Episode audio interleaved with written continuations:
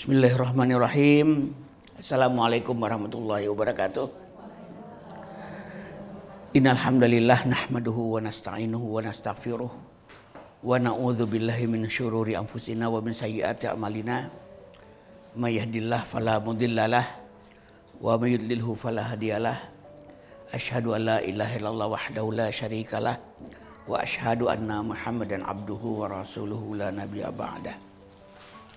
ba'dah. Faqala Allah Ta'ala fil Qur'anil Karim a'udzu billahi minasyaitonir rajim bismillahirrahmanirrahim. Qul huwallahu ahad Allahu samad lam yalid wa lam yulad wa lam yakul lahu kufuwan ahad. Uh, baik para bunda sekalian alhamdulillah hari ini kita ketemu. Nama saya Adriano Rusfi biasa dipanggil Aat tinggal di Jogja ya uh, sudah enam tahun Alhamdulillah bosan juga di Jakarta 43 tahun ya. Macet melulu gitu ya. Jadi pindah ke Jogja deh.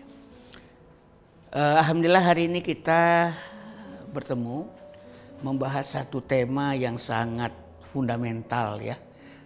Tapi sekarang cenderung jadi anak tiri yaitu pendidikan keimanan, pendidikan tauhid ya. Begitu fundamentalnya sampai-sampai Rasulullah mengatakan Barang siapa yang mati dalam dadanya adalah ilah illallah, Allah jamin atasnya surga gitu ya. Selama masih ada tauhid, selama masih ada iman, Allah jamin atasnya surga. Sampai sahabat bertanya, "Ya Rasulullah, walaupun dia mencuri dan berzina?" Ya, walaupun dia mencuri dan berzina. Selama masih ada kalimat tauhid itu. Gitu ya. Nah begitu. Karena apa? Karena sholat, puasa, ngaji, nutup aurat segala macam itu ekspresi dari iman, ya, ekspresi dari iman, gitu. Nah, mari kita bahas hari ini dan beberapa pertemuan ke depan ya. Hari ini tanggal 24 dan 7 Agustus ketemu dengan saya. Saya memang meminta yuk kita bahas secara mendalam gitu ya Bahkan eh, tanggal 25, 26, 27 Oktober di Jogja saya malah minta tiga hari penuh dan dirilai secara nasional ya. ya agar tuntas lah gitu ya. Persoalan keimanan ini persoalan yang paling fundamental gitu. Baik, eh, kenapa saya kemudian mengajukan masalah keimanan itu untuk kita bahas, untuk kita didik kepada anak-anak kita gitu ya karena memang kita punya banyak masalah, ya. Gitu. Satu contoh di Surabaya, saya pernah minta kepada kepala SMPIT dan SMAIT, tolong Pak, siswa-siswa kita sekali aja dalam seminggu diizinkan bebas mau sholat di masjid atau enggak terserah. Mau sholat berjamaah atau enggak terserah. Sekali aja seminggu. Baik sholat zuhur maupun sholat asar. Akhirnya disepakati. Oke pak kita sepakati hari Rabu anak-anak bebas. Mau sholat di masjid boleh, enggak boleh. Mau berjamaah boleh, enggak boleh. Dan apa yang terjadi? Setiap Rabu masjid sepi. Sepi saya udah duga. Anak-anak kita beribadah bukan karena iman kok. Karena conditioning, karena pembiasaan aja kok. Karena takut sama peraturan kok. Takut sama orang tuanya kok. Gitu ya. Supaya guru-gurunya ngeliat sendiri daripada saya mengklaim ya bahwa Anda kurang dalam mendidik iman murid-murid Anda, mendingan lihat aja sendiri tuh. Karena saya bilang di Jakarta sekarang ada istilah fenomena anak hilang. Ya. Anakku yang soleh waktu SD itu hilang aja solehnya waktu SMP dan SMA. Dulu kayaknya rajin banget dia sholatnya, puasanya, ngajinya. Begitu SMP disuruh baca Quran sehalaman aja pada maghrib. Ya Allah susahnya. Gitu ya. Kenapa? Karena kita punya problem. Pendidikan iman itu sekarang jadi anak tiri. Apa anak kandungnya? Anak eh apa anak emasnya? anak emasnya itu tahfidzul Quran sekarang. Hafalan Quran. Gitu. Semua kita kepengen anak itu jadi hafiz Quran. Oh sekarang pondok-pondok tahfidzul Quran itu sekarang luar biasa ya. Bahkan ada satu pondok pesantren tahfidz itu yang uang masuknya aja 139 juta ya. Gitu. Karena anak itu harus fokus tahfidz. Nggak usah ngurusin spray nggak usah ngurusin makan, nggak usah ngurusin baju, baju udah ada yang laundry, makan udah ada yang nyediain. Ya. Mantan chef hotel bintang 5 gitu ya, bayangin gitu ya agar mereka lebih fokus untuk hafizul Quran, agar orang tuanya itu mendapatkan mahkota gitu kan ya. Sampai ya, saking itu jadi anak emas sampai kita lupa bahwa dalam sejarah Islam tafidhul Quran itu peristiwa seumur hidup. Nggak boleh jadi crash program. Tiga tahun 30 juz gitu bukan gitu ya. Sahabat tabiin tabiit tabiin itu kan semuanya menghafal Quran seumur hidup. Karena apa? Setiap satu ayat yang dihafalkan wajib diamalkan dulu. Gitu. Pernah satu ketika sahabat Umar bin Khattab ditanya oleh para sahabat para tabiin. Karena sesudah perang Yamamah itu hafiz Quran, sahabat yang jadi hafiz Quran itu udah tinggal dihitung dengan jari. Banyak yang tewas ya dalam peperangan Yamamah ya. Sampai para tabi nanya, ya Amirul Mukminin Umar bin Khattab, kenapa sahabat yang hafiz Quran itu dikit amat? Karena menurut perkiraan saya sekitar 60 lah. Dari 30 ribu orang sahabat itu yang hafiz Quran itu ada sekitar 60. Cuman ya nggak banyak ya. Padahal mereka orang Arab loh. Ngafalin Quran itu gampang banget. Dan hafalan orang Arab dari dulu sampai sekarang bagus. Anehnya cuma 30 loh. Ya, eh cuma 60-an. Umar mengatakan sahabat Rasulullah itu jika dia hafalkan satu ayat maka dia amalkan satu ayat. Jadi emang nggak gampang. Karena berasal dari kata hafadho, memelihara sebenarnya. Hafadho itu artinya memelihara, bukan semata-mata menghafal ya. Gitu. Seperti Nabi Yusuf bilang, ini hafizun alim. Aku pandai memelihara lagi berpengetahuan. Hafiz. Ya. Nah gitu. Cuma memang kenapa orang tafizul Quran tertarik? Gampang diukur keberhasilannya. Orang bilang, aku sudah hafal satu juz lima surat 36 ayat, bisa dicek. Tinggal ngecek hafalan aja. Cuman coba keimanan, gimana ngeceknya coba. Innamal mu'minuna alladzina idza dzukirallahu wajilat qulubuhum wa idza tuliyat alaihim ayatuhu zadathum imana wa ala rabbihim yatawakkalun. Sungguhnya orang yang beriman itu apabila disebutkan nama Allah bergetar hatinya Gimana coba ngukur bergetar hati coba. Saya sebagai psikolog rajin loh bikin alat tes. Cuman nggak tahu juga tuh gimana ngetes bergetar hati gitu ya. Wa idza tuliyat alaihim ayatuhu zadatum imana jika dibacakan kepada mereka ayat-ayat Allah bertambah imannya. Gimana coba ngukurnya tuh? Wa ala rabbihim yatawakkalun dan kepada Tuhan mereka mereka bertawakal tanpa sadar pendidikan Islam kita juga sekarang semakin materialistik empirik. Pengennya yang terukur-terukur. Nah jadi deh. Apa anak kandungnya? Anak kandungnya adalah ibadah dan akhlak. Karena gampang diukur juga. Ibadah kan sholat kan bisa diukur. Mulai dari takbir sampai salam. Baik bacaannya maupun geraknya.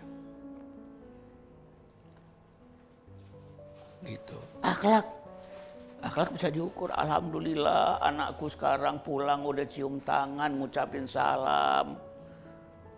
Makan cuci tangan dulu, baca doa, mau makan, baca basmalah, habis makan baca doa. Kalau ke kamar mandi, alhamdulillah udah pakai kaki kiri dulu, baca doa juga, gitu kan? Sehingga orang selalu terkagum-kagum, alhamdulillah anakku anak soleh, anakku anak soleh gitu ya akhlaknya udah bagus, ibadahnya udah bagus, sudah. Nah, yang jadi korban akidah deh. Kita mudah sekali terpukau, anakku udah rajin sholat, anakku rajin puasa. Sekarang dia udah nutup aurat loh. Sekarang dia udah akhlaknya bagus loh, hafalannya juga keren gitu ya. Nah gitu. Tiba-tiba belakang kita kaget juga. Loh kok Hafiz 30 juz LGBT gitu kan ada kasusnya. Hafiz 30 juz eh, LGBT ada lagi Hafiz 30 juz ditangkap KPK gitu kan ya. Karena dia korupsi. Nah jadi kita punya problematika iman ini sekarang lagi jadi anak tiri. Dengan alasan unmeasurable, tak terukur. Gitu. Nggak bisa dilihat keberhasilannya. Apalagi keberhasilan dalam jangka pendek. Gitu. Kemudian kita juga punya problematika bahwa ternyata semua ketaatan terhadap ibadah ini bukan karena iman. Rupanya karena conditioning karena pembiasaan. Gitu. Saya sebagai seorang psikolog sebenarnya agak terenyuh ya. Kalau dalam teori psikologi itu conditioning itu buat hewan sebenarnya. Karena hewan itu nggak punya kesadaran, jadi satu-satunya yang bisa dilakukan lewat hewan emang cuma pembiasaan. Dia nggak punya yang namanya behavior repertoire. Jadi cuma bisa dibiasain memang, di conditioning ya ada classical conditioning Pavlov, ada operant conditioningnya Skinner gitu ya.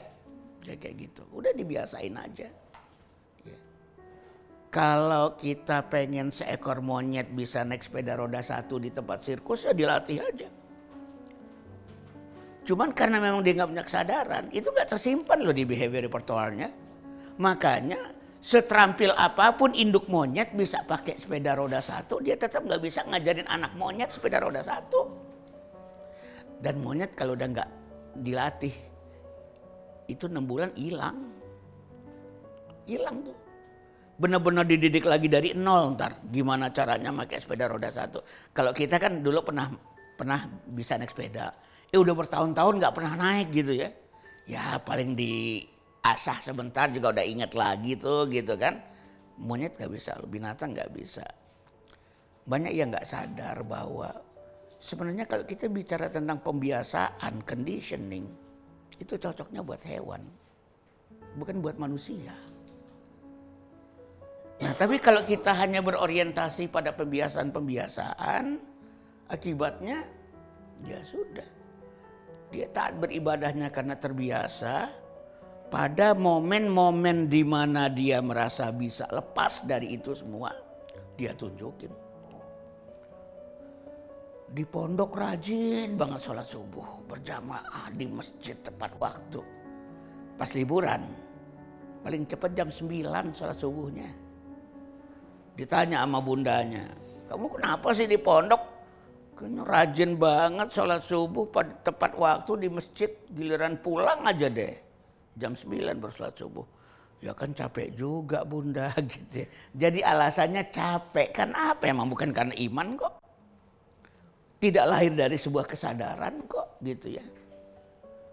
Udah capek dipondokin, capek dipondokin, capek dipondokin. Kenapa buah dari pondok tuh biasa-biasa aja ya gitu.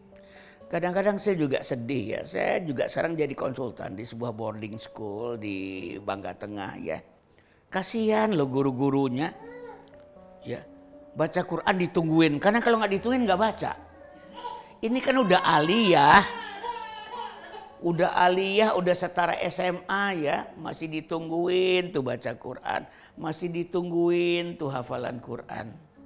Ya sholat subuhnya mesti dibangunin satu-satu sholat subuh sampai kapan gitu kalau kosan kalau nggak iman yang memacu itu semua Padahal kalau iman yang dibangun beda. Pernah ada seorang bunda nanya ke saya, Ustaz, saya bahkan kepengen anak saya itu sebelum azan subuh dia udah bangun. Bisa nggak? Oh bisa saya bilang. Ibu pernah nggak bu? Besok pengen piknik ke kawasan yang diidam-idamkan anak, malam cerita. Nah besok kita piknik ke tempat yang selama ini kamu inginkan. Apa yang terjadi bu? Ibu besok bangunin dia nggak bu? Enggak, ibu yang dibangunin bu. Saya bilang. Jangan-jangan malam begadang tuh nggak bisa tidur saking excited ya. Saking excited dia nggak bisa tidur tuh. Jangan-jangan googling terus tuh. Tempat selfie yang keren gitu ya. Biasanya kan nyari-nyari gituan tuh. Kuliner yang bagus di tempat rekreasi tersebut gitu kan. Baju dia dimasukin ke koper, diturunin lagi, diganti lagi gitu. Nggak tidur-tidur. Kuncinya kan excited. Ketika seseorang udah senang dengan sesuatu, kadang-kadang bahkan udah nggak bisa tidur. Nggak perlu dibangunin itu mah, sholat subuh, sama azan subuh segala macam. Ya Allah bu, saya bilang jika cinta sudah melekat mah tai kambing juga rasa coklat bu, saya bilang gitu. Ya. Nah itu. Ya. Kita punya problem, salah paham. Ya. Kenapa akidah nggak buru-buru diajarkan pada anak? Padahal yang pertama kali diajarkan pada anak itu adalah akidah. Yang pertama kali diajarkan oleh Luqmanul Hakim kepada anaknya adalah ya bunayya la tusyrik billah inna syirka la zulmun azim. Wahai anakku jangan kau sekutukan Allah. Sekarang itu malah ditunda-tunda pendidikan akidah karena ada asumsi yang keliru. Akidah itu abstrak. Sedangkan anak itu masih konkret berpikirnya. Maka pendidikan akidah nggak cocok buat anak-anak gitu. Asumsinya kayak begitu. Memang akidah emang abstrak kan bicara tentang yang gaib ya. Dan yang paling gaib adalah Allah. Tentang Allah, tentang malaikat, tentang akhirat tentang takdir, tentang dosa, tentang eh, neraka, tentang surga, tentang pahala, abstrak semua. Tapi yang bilang anak kecil itu konkret siapa? Saya kadang-kadang bertanya, ini yang ngajarin siapa nih anak itu konkret? Kalau di atas tujuh tahun betul dia konkret operation tapi di bawah tujuh tahun itu anak-anak itu sangat abstrak, penuh dengan imajinasi dan fantasi. Sangat cocok akidah diajarkan pada anak di bawah tujuh. Ebang lagi penuh dengan imajinasi dan fantasi. Bahkan anak sebelum dua tahun itu masih bisa ngelihat setan. Masih bisa ngelihat jin. Masih bisa ngelihat malaikat. Tiba-tiba nangis mendadak, tiba-tiba senyum sendiri gitu. Ya. Makanya doa yang kita ucapkan waktu menghadiri akikah anak bayi adalah U'idzuka bi kalimatillahi tammah min kulli syaitani wa hammah wa min kulli aini lammah. Aku perlindungkan engkau wahai bayi dengan kalimat Allah yang sempurna. Dari syaitan yang mengganggu dan dari mata yang menakutkan. Nah kan gitu ya. Mata jin gitu ya masih bisa ngeliat. Jadi yang bilang anak itu konkret itu siapa? Saya juga bingung loh. Ini ajaran mana sih? Ya. Di atas dua tahun baru anak tuh nggak bisa lagi ngeliat gitu-gituan. Karena apa? Sudah ada sekat sadar, bawah sadar dan sadar. Sudah tersekat.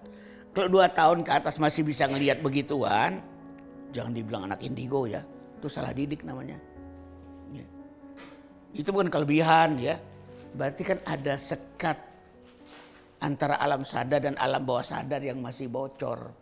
Sehingga masih aja bisa ngeliat gitu-gituan gitu ya. Harusnya di atas dua tahun dia nggak boleh ngeliat lagi. Tapi di bawah dua tahun dia ngeliat. Dia lihat jin dia lihat setan dia lihat malaikat. Anak umur lima tahun kalau kita bilang nah di atas awan sana itu ada puri raksasa berwarna pink. Dijaga oleh dua ekor serigala berkepala buaya. Percaya. Memang fantasi dan imajinasinya sedang berkembang ke arah sana. Jadi kan ini saya nggak tahu ya siapa yang ngajarin. Sehingga ada asumsi belum cocok akidah diajarin ke anak. Karena akidah itu abstrak sementara anak itu masih konkret cara berpikirnya. Ya enggak lah. Akidah memang abstrak. Tapi kan anak-anak itu juga, juga sangat abstrak. Makanya yang terbaik mendidik akidah pada anak itu di bawah tujuh. Sejak kapan? Sejak dari dalam perut. Satu-satunya yang sudah bisa diajarkan sejak dari dalam perut cuma akidah. Yang lain-lain belum bisa. Tapi akidah sejak dari dalam perut itu diajarin bisa. Ya. Ditularkan oleh bundanya, oleh ayahnya. Secara rohiyah. Ada lagi anggapan. Akidah itu kompleks. Sementara anak-anak itu masih simpel berpikirnya. Makanya pendidikan akidah itu nggak cocok lagi gitu. Terbengkalai lagi. Betul, anak-anak itu berpikirnya masih simpel emang betul. Cuman yang bilang akidah itu kompleks siapa? Akidah Kristen emang kompleks, nggak mudah untuk dipahami. Akidah Hindu memang kompleks, nggak mudah dipahami. Begitu juga akidah Buddha, Konghucu. Ya. Tapi akidah Islam itu simpel, namanya tauhid. Rata-rata orang masuk Islam jadi mu'alaf karena akidahnya yang simpel. Jarang loh orang masuk Islam karena syariat. Justru syariat Islam itu paling berat. Ya, paling berat. Banyak orang yang takut masuk Islam karena syariat. Tapi orang rata-rata masuk Islam itu kan akidahnya. Simpel. Mudah dimengerti, masuk akal. Ya. Dulu ketika dakwah di Jepang masih berorientasi pada syariat. Ya, nutup aurat, nggak boleh minum sake, segala macam. Nggak berkembang. Sekarang dakwah di Jepang lebih mengarah kepada akidah. Berbondong-bondong orang masuk Islam. Karena akidah Islamnya itu gampang dimengertinya. Simple. Dari namanya aja memang simple ya. Tauhid gitu. Esa. Ya. Konsep tentang keesaan. Jadi nggak ribet gitu ya. Sehingga keliru lagi ini pemahaman. Anak memang simple. Tapi akidah Islamiyah itu juga simple. Kecuali kalau anak itu diajarin akidah Kristen, pusing pasti gimana memahami Trinity dan sebagainya gitu loh. Hindu, Buddha, Konghucu. Ya. Pemahaman-pemahaman yang keliru ini yang menyebabkan kemudian ada problematika dalam pendidikan akidah. Benar-benar dia jadi terbengkalai. Hal yang terpenting dalam pendidikan agama yaitu akidah. Justru itu yang tersingkir saat ini terganti dengan hal-hal yang memang terukur syariat, akhlak, tafidul Quran. Ya. Pendidikan keimanan kita juga bermasalah karena waktu yang harus digunakan untuk pendidikan akidah malah terpakai untuk hal-hal yang belum perlu untuk saat itu. Calistung. Ya. Hal-hal yang sifatnya sebenarnya masih bisa nanti-nantilah gitu ya calistung itu kan operasi. Operasi penjumlahan, operasi pengurangan, operasi perkalian, operasi pembagian, operasi penggabungan huruf menjadi kata, kata menjadi kalimat, kalimat menjadi alinea, menjadi tulisan dan sebagainya. Itu operasi. Ya. Sementara anak-anak di bawah tujuh itu masa-masa pre-operation namanya. Masa belum perlu mengenal operasi kalau dalam bahasa agama, anak-anak itu baru boleh diperkenalkan dengan operasi-operasi semacam itu kalau dia udah jadi mumayiz. Kapan mumayiz? Tujuh tahun. Terus kenapa kita jadi buru-buru mengajarkan itu semua pada anak-anak kita? Tamyiz itu adalah kemampuan kategorik, kemampuan membedakan. Mana yang benar, mana yang salah, mana yang baik, mana yang buruk, mana yang indah, mana yang jelek mana segitiga, mana kotak, mana besar, mana kecil, mana biru, mana kuning dan sebagainya. Itu namanya kemampuan kategorik. Sesuatu yang terbangun tujuh tahun ke atas. Nah tapi kan terpakai waktu itu. Yang harusnya kita gunakan waktu tersebut untuk pendidikan akidah keimanan anak-anak kita. Kita malah sibukkan dia untuk urusan-urusan itu. Dan satu hal lagi ya, pendidikan yang berorientasi pada operasi itu membutuhkan hormon-hormon kematangan tertentu. Hormon itu aslinya baru tumbuh di umur tujuh. Tapi karena di TK udah diajarin, terpaksa hormon itu teraktivasi lebih cepat. Kenapa anak-anak kita sekarang secara fisik cepat dewasa? Karena hormonnya teraktivasi terlalu cepat. Anak kita itu cepat balik tapi telat akil ya dalam Islam itu akil balik bareng loh. Ya, bareng. Satu paket. Tapi sekarang balik sudah terjadi di umur 9. Sementara akil baru terjadi di umur 27. 27 kurang 9, 18 tahun anak kita dikuasai oleh hawa nafsunya. Karena memang menurut teori psikologi, sejak akhir abad 19 telah tumbuh generasi baru yang sebelumnya nggak ada namanya remaja. Remaja itulah generasi udah balik belum akil, kira-kira gitu ya. Belum jadi pemuda, belum jadi youth. Nah salah satu penyebabnya di antaranya adalah operasi-operasi aktivasi hormonal yang terlalu cepat. Balik terlalu cepat pertama overnutrisi. Anak kita overnutrisi. Ya. Over lemak, over karbohidrat, over protein. Ya. Gitu. Kuping terlalu sering mendengarkan kalimat-kalimat cabul, teraktivasi lagi hormon seksualitas.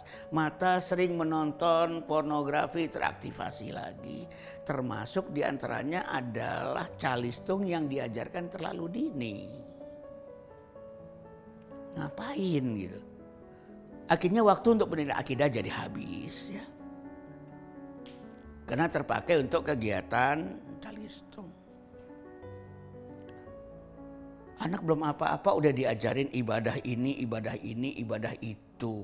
Padahal itu adalah waktu-waktu untuk pendidikan akidah. Kan udah diajarkan oleh Rasulullah. Mengajarkan ibadah, ngajarin akhlak kapan? Tujuh tahun ke atas. Kitab-kitab tarbiyatul aulat kan juga udah cerita. Sejak kapan kita ngajarin anak menutup aurat? Mulailah pada umur tujuh tahun bersamaan dengan mengajarkan sholat atau sesudah itu dengan mulai meletakkan sapu tangan di atas kepala. Itu juga baru sapu tangan kok. Ini anak baru lahir owek-owek jenis kelamin perempuan dijilbabin bayangin.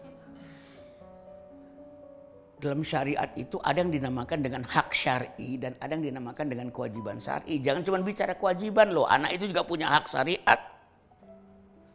Dia lima tahun berhak masih pakai bandok. Dia lima tahun berhak masih pakai kuncir. Dia lima tahun masih berhak pakai rok segini. Kenapa mesti dia dirampas itu semua hak? Lalu diakselerasi pendidikan-pendidikan agama syariat kepada mereka. Yang akidah malah terbengkalai. Ya. Kasihan. Dia di dunia nggak bisa komplain karena masih anak-anak. Dan juga dia nggak tahu hukumnya. Yang saya cemas kalau dia komplain di akhirat kepada Tuhannya. Ya Allah, saat aku masih boleh menggeraikan rambutku, orang tuaku melarang. Aku dulu nggak bisa menolak karena masih kecil dan nggak tahu. Hari ini aku gugat orang tuaku ya Rab. Ngeri kita ngebayangin itu. Ya. Dia protes kepada Tuhannya. Ya. Tapi itu waktu terhabiskan untuk hal-hal yang semacam itu. Ya. Kadang-kadang saya juga bingung. Ada seorang guru TK telepon saya. Bang, ini ada murid kami, kami minta sholat duha, dia nggak mau bang. Perlu dirukyah nggak bang ya? Saya bilang yang perlu dirukyah gurunya. Kenapa? Orang dewasa aja nggak sholat duha nggak apa-apa. Masa anak kecil nggak sholat duha lu mau rukyah? Ya gurunya yang perlu saya rukyah. Bilang. Aduh maaf bang, maaf bang gitu ya. Di Tangerang itu gurunya ya murid saya dulu. Nah ini kan yang jadi masalah ya, ini udah diajarin, ini udah diajarin. Habis waktu untuk pembelajaran-pembelajaran semacam itu. Yang tersisih malah pembelajaran akidah, keimanan. Ya. Saya dulu juga iri ya. Teman-teman saya anaknya umur lima tahun sudah hafal juz 30 enam tahun sudah hafal hadis Arba'in An-Nawawiyah 40 hadis. Tujuh tahun sudah disiplin dalam sholat. Sementara anak saya belum ngapa-ngapain. Saya baru ngajarin anak saya mencintai Tuhannya gitu ya. Biar aja karena cinta itu nanti kemudian dia akan mencintai Quran. Saya bacakan kisah-kisah Quran tiap malam maka dia cinta sama Quran gitu ya. Kebetulan 73% ayat Al-Quran memang kisah-kisah kan. Saya ajarin, bacain aja cerita tiap malam sebelum tidur. Membacakan, bercerita itu paling bagus sebelum tidur. Agar masuk ke alam bawah sadar, kadang-kadang terbawa mimpi malah. Gitu ya. Saya ceritain. Udahlah, belum bisa baca Quran, belum punya hafalan Quran, gak apa-apa. Yang penting dia cinta sama Qurannya. Dia cinta pada Tuhannya, akhirnya dia mau dengan ikhlas melaksanakan perintah Tuhannya dia cinta pada nabinya, akibatnya dia akan menghafalkan hadis-hadis nabinya gitu. Ya. Nah tapi kan ini yang dilupakan. Tiba-tiba kita bilang, wah anakku keren loh, lima tahun udah juz 30 udah hafal. Udah hafal hadis Arba'in An-Nawawiyah. Udah sholatnya udah begitu disiplinnya. Gitu. Tapi itu semuanya terjadi karena cinta nggak sih? Bisa nggak sih anak kita itu dari hatinya berkata itu billahi robba wa bil islami dina wa bi muhammadin nabiyya wa rasulah.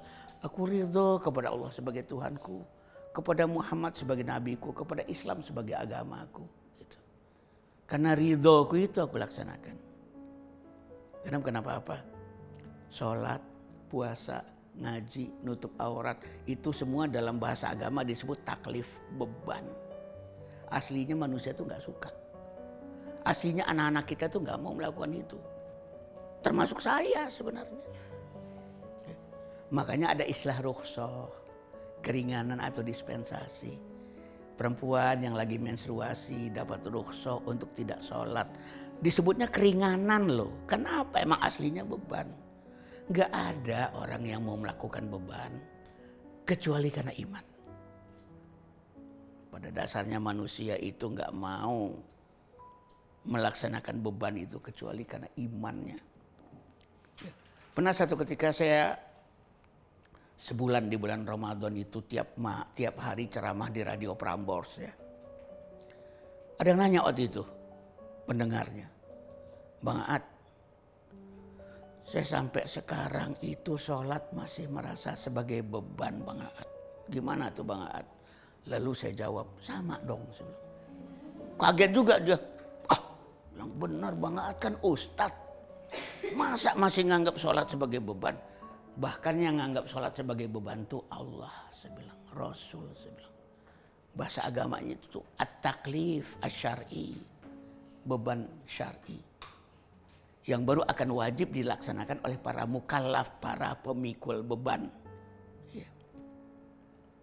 Jadi Bang A juga merasa terbebani. Iya. Berarti Bang Ad sama juga sama saya terpaksa ya sholatnya. Enggak, saya bilang. Ih, Bang Aat gak konsisten. Katanya beban, tapi nggak terpaksa. Iya, saya memang menganggap itu beban, tapi saya melakukannya tidak terpaksa. Karena saya mencintai yang memberikan beban. Ya kayak kamu nggak tahu aja orang udah jatuh cinta, saya bilang. Ya, Kadang-kadang orang udah jatuh cinta itu ya disuruh doi begini kita lakukan, disuruh doi kita lakukan gitu kan. Jadi karena cinta saya pada Allah kemudian saya tidak terpaksa melaksanakan sholat. Bukan karena saya cinta sholat, swear saya bilang gak cinta sholat. Saya, tapi saya cinta pada Allah yang memerintahkan sholat. Terus saya bilang, eh kamu tahu nggak kenapa saya pengen buru-buru masuk sorga? Saya bilang gitu. Kenapa bang? Di sorga nggak ada sholat. Gitu. Di sorga udah nggak ada puasa, udah nggak ada ngaji, udah nggak ada beban-beban apaan. Mau nggak masuk sorga? Saya bilang. Wah iya bang kalau gitu bang. Makanya sholat saya bilang. Biar masuk sorga gitu di surga ntar udah gak ada apa-apaan. Jadi memang kita mesti bicara dari fitrah ke fitrah ya. Gak bisa mendoktrin sama anak-anak kayak begitu. Nah, pendidikan yang ya terlalu fokus pada akhlak dan ibadahnya. Ya. Saya ingin mengatakan bunda sekalian, selama pendidikan anak hanya menjadi beban bunda, ayah nggak terlibat dalam mendidik anak, yang namanya bunda itu orientasinya memang ke akhlak, bukan ke akidah. Gitu. Itu memang sudah nalurinya seorang bunda. Dan itu nggak salah. Pertanyaannya justru bapaknya mana? Bapak yang harusnya mengajarkan akidah pada anak. Dia nggak hadir dalam pendidikan anak. Dan Indonesia is the fatherless country. Ini negeri tanpa ayah. Tahun 2008 kemarin, eh 2018 kemarin Indonesia ranking 2 di dunia sebagai negeri tanpa ayah. Tahun 2017 masih ranking 3. Naik pangkat dalam keburukan 2018. Ranking 2. Fatherless country. Ayah-ayah Indonesia menganggap urusan pendidikan bukan urusan dia, dia nadi nafkah. Semua dibebankan ke bunda. Nah kalau bunda ini mengorientasinya dua ini. Akhlak lagi, akhlak lagi, akhlak lagi. Udah dibilangin akidah bunda, akhlak lagi. Bunda akidah, bunda akhlak lagi. Saya nggak bisa maksa, yang salah bukan bunda. Emang urusan ini urusan ayah. Pernah satu ketika saya seleksi calon guru TK. Perempuan semua. Lalu saya bilang, Ibu, tolong bikin, di-create lagu, permainan, dan nyanyian tentang akidah. Kalau sudah, nanti tolong presentasi di depan saya. Ini seleksi guru TK dengan pendekatan assessment center ya. Begitu presentasi di depan saya, semuanya akhlak yang diomongin. Lagunya lagu akhlak. Ya, permainannya permainan akhlak, ceritanya cerita akhlak. Lah, saya bilang kan saya minta dari tadi akidah. Tapi memang orientasi Bunda lebih ke sana. Makanya kan Allah dengan ngasih sinyal, begitu anak lahir ayahnya membisikkan di telinga kanannya lantunan azan yang berisi kalimat-kalimat tauhid, kalimat-kalimat keimanan. Allahu Akbar, Allahu Akbar, Allahu Akbar, Allahu Akbar. Asyhadu alla ilaha illallah, asyhadu alla ilaha illallah. Itu kan sudah cukup menjadi sinyal urusan akidah urusan Bapak. Jangan bunda yang disalahin. Bunda salah prioritas deh bun harusnya akidah bun bukan akhlak. Loh memang bunda itu orientasinya memang ke akhlak. Bunda disuruh ngajarin akidah nggak cocok. Bunda itu cerewet. Akidah tuh makin dicerewetin, makin kabur orang dari agama. Nggak bisa diajarin oleh orang cerewet. Memang mesti oleh bapaknya. Masa saya mesti bilang, bunda-bunda jangan cerewet dong ngajarin akidah ke anak, ntar anak makin kabur ada juga jerawatan bundanya gitu ya, nggak boleh cerewet. Ya. Dia punya kelenjar pituitari yang emang lebih gede. Dia butuh 20 ribu kata per hari gitu ya. Cowok paling cerewet itu cowok Italia. Dan dia cuma butuh 7 ribu kata per hari. Paling cerewet di dunia itu cowok Italia. Gitu. Nah, Sehingga keimanan itu kemudian jadi terabaikan, terbengkalai hal terpenting. Kalau ibarat rumah, akidah itu pondasi. Kalau ibarat pohon, akidah itu akar. Cuman dua-duanya ciri khasnya sama. Baik akar maupun pondasi nggak kelihatan, adanya di bawah tanah. Gara-gara nggak kelihatan, orang jadi nggak tertarik gitu loh. Ya. Gara-gara nggak kelihatan, orang jadi nggak tertarik. Terabaikannya Ya, di antaranya adalah salah memahami iman. Iman itu dianggap sama dengan ibadah. Kalau saya tanya pada bunda, bunda anak udah diajarin iman belum? Udah Ustaz. Apa tandanya? Aku udah ajarin dia sholat. Aku udah ajarin dia puasa. Aku udah ajarin dia ngaji. Aku udah ngajarin dia ngafalin Quran. Kebanyakan bunda menganggap itu ngajarin iman.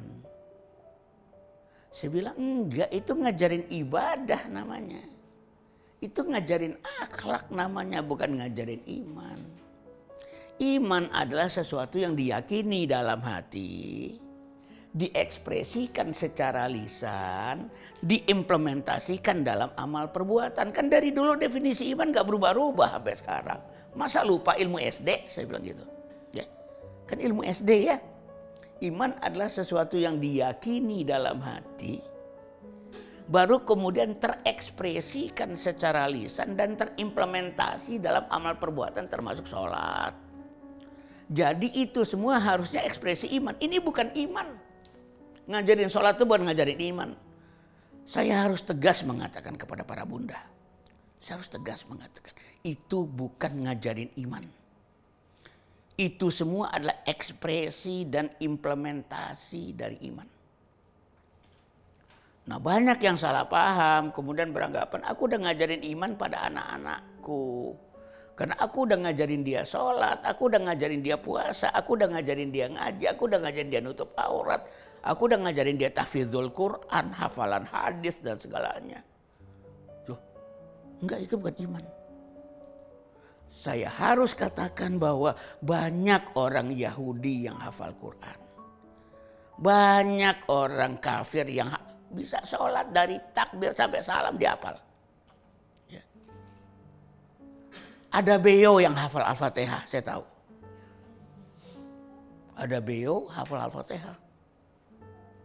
Kalau itu yang jadi ukuran, berarti beo beriman gitu ya. Yahudi beriman, orang kafir beriman dan sebagainya. Enggak. Jadi jangan salah kita merasa telah mendidik iman, sebenarnya kita didik itu bukan iman dan belum iman. Banyak yang salah. Makanya dalam Al-Quran ada orang-orang badui yang aku beriman. Wa qolatil a'rabu amanna dan telah berkata orang-orang Arab badui kami telah beriman. Apa kata Rasulullah? Qul lam tu'minu. Katakan hai Muhammad kepada mereka, kalian belum beriman. Walakin kulu aslamna. Tapi katakan sajalah kami telah Islam. Walamma yadkhulil imanu fi qulubikum. Karena iman itu belum masuk ke dalam hatimu. Jadi yang kita ajarkan pada anak-anak kita itu baru Islam. Belum iman. Ya. Kan ada rukun Islam, rukun iman ya. Syahadat, sholat, puasa, zakat, naik haji, itu namanya rukun Islam. Yang iman itu apa? Iman pada Allah, iman pada malaikat, iman pada Rasul, iman pada takdir. Ya, iman pada hari kiamat. Gitu. Iman pada kitab. Itu iman. Tanpa kita sadari, kita sebenarnya baru ngajarin Islam. Bukan ngajarin iman. Walamma yadkhulil imanu fi qulubikum kata Rasulullah, kata Allah. Karena iman itu belum masuk ke dalam hatimu. Karena definisi iman yang diajari guru agama kita dulu waktu SD. Sesuatu yang diyakini dalam hati, diekspresikan dengan lisan dan diimplementasikan lewat perbuatan. Itu iman. Nah begitu. Ya.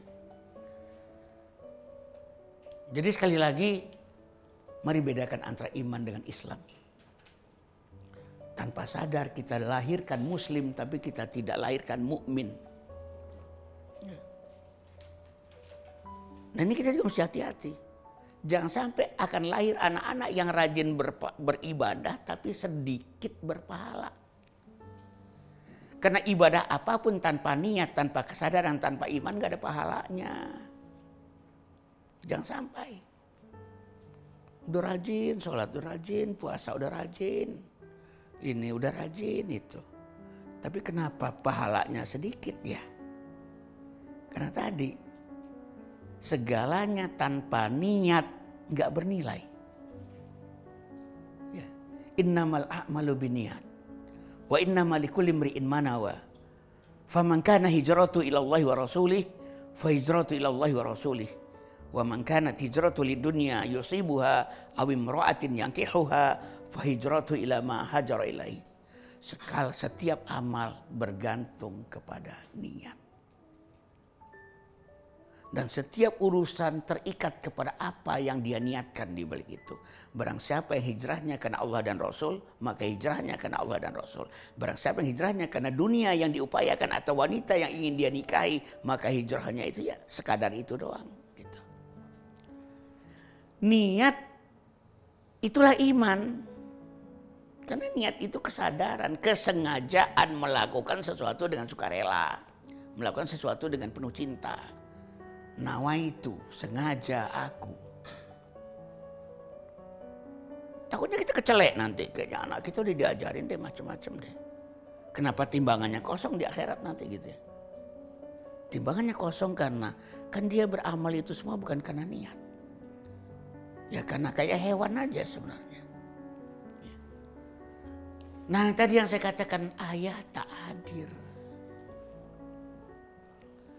Kalau diserahkan semua pendidikan kepada bunda, bunda memang akan berorientasi pada akhlak. Seperti yang saya katakan tadi, iman tidak bisa dididik dengan cerewet. Semakin cerewet, semakin lari orang dari agamanya. Sementara bunda itu fitrahnya cerewet. Siapa yang nggak cerewet? Ayah. Ayah yang didik. Men, bunda mendidik akhlak karena akhlak itu memang butuh kecerewetan. Nggak cerewet, nggak mungkin akhlak itu bisa dididik. Jadi Allah udah kasih porsi masing-masing.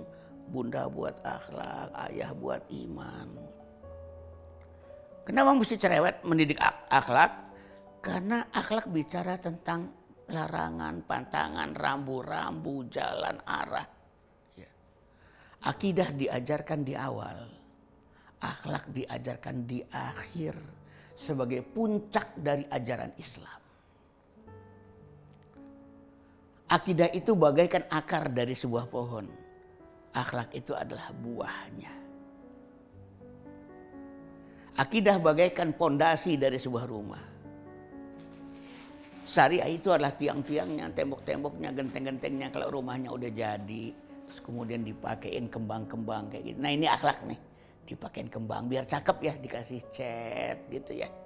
Dikasih tirai, dikasih AC. Ini namanya dikasih akhlak nih. Dikasih akhlak. Tapi kalau ayah tidak hadir, terbengkalailah pendidikan iman ini. Jadi dosa terbesar iman tak tumbuh sebenarnya tidak pada bunda, pada ayah. Ya.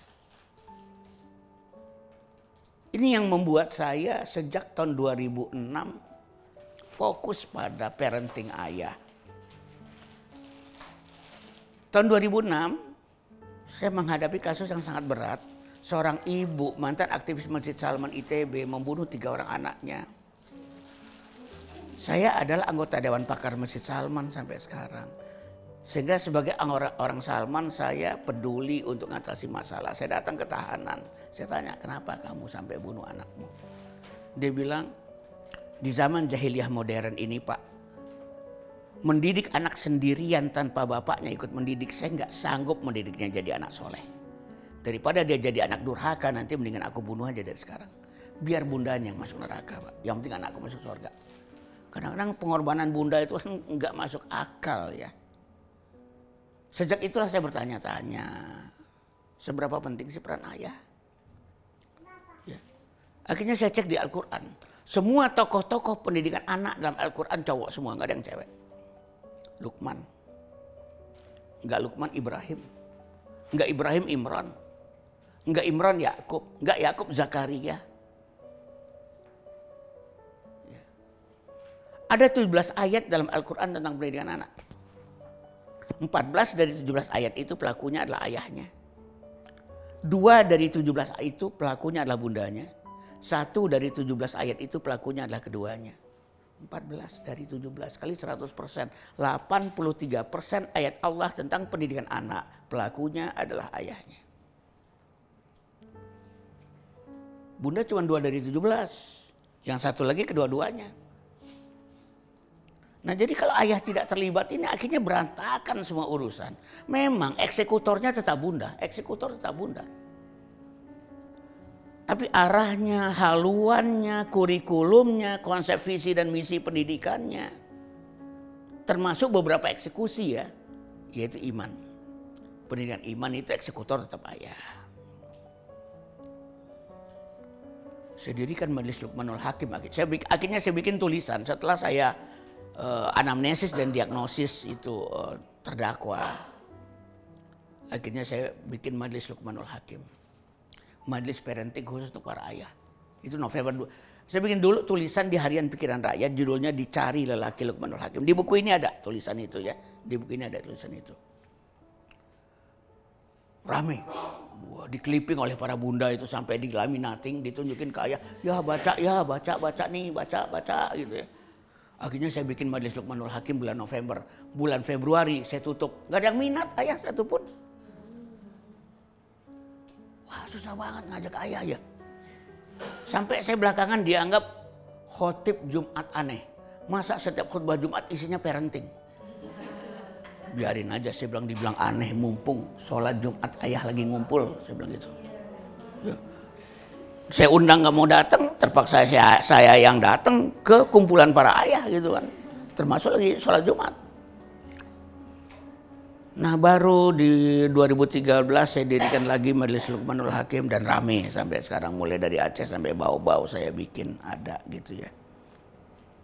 Begitu nggak minatnya ayah itu dalam pendidikan. Padahal di antaranya yang paling fundamental itu akidah.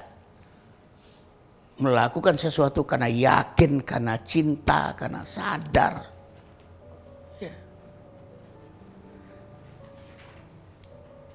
Karena kompetensi bunda memang pada akhlak.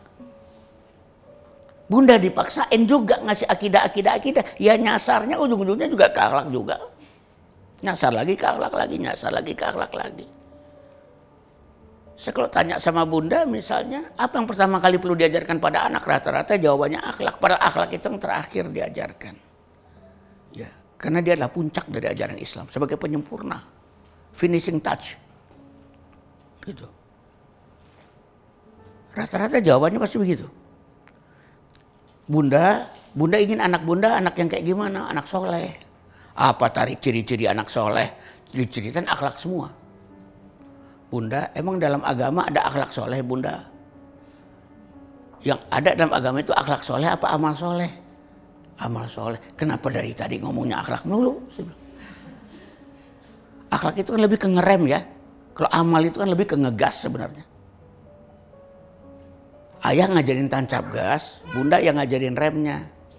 Karena kalau ayah melulu yang ngajarin tancap gas, nabrak ntar. Kalau bunda nggak ngajarin rem. Jadi kolaboratif. Ya. Kadang-kadang yang terjadi adalah kita mendidik sesuatu yang belum perlu dan belum waktunya. Ini juga yang menyebabkan pendidikan keimanan jadi terbengkalai. Ada sesuatu yang belum perlu dan belum waktunya. Karena Pendidikan selalu berpegang pada dua asas. Apakah anak sudah mampu dan apakah anak sudah perlu. Walaupun sudah mampu, kalau belum perlu jangan. Kadang-kadang kita tergoda karena kita lihat dia udah mampu, kita lihat dia udah mampu, dia udah mampu. Tanpa kita sadar bahwa walaupun sudah mampu, tapi kalau belum perlu, ya nggak penting lah gitu loh. Ya.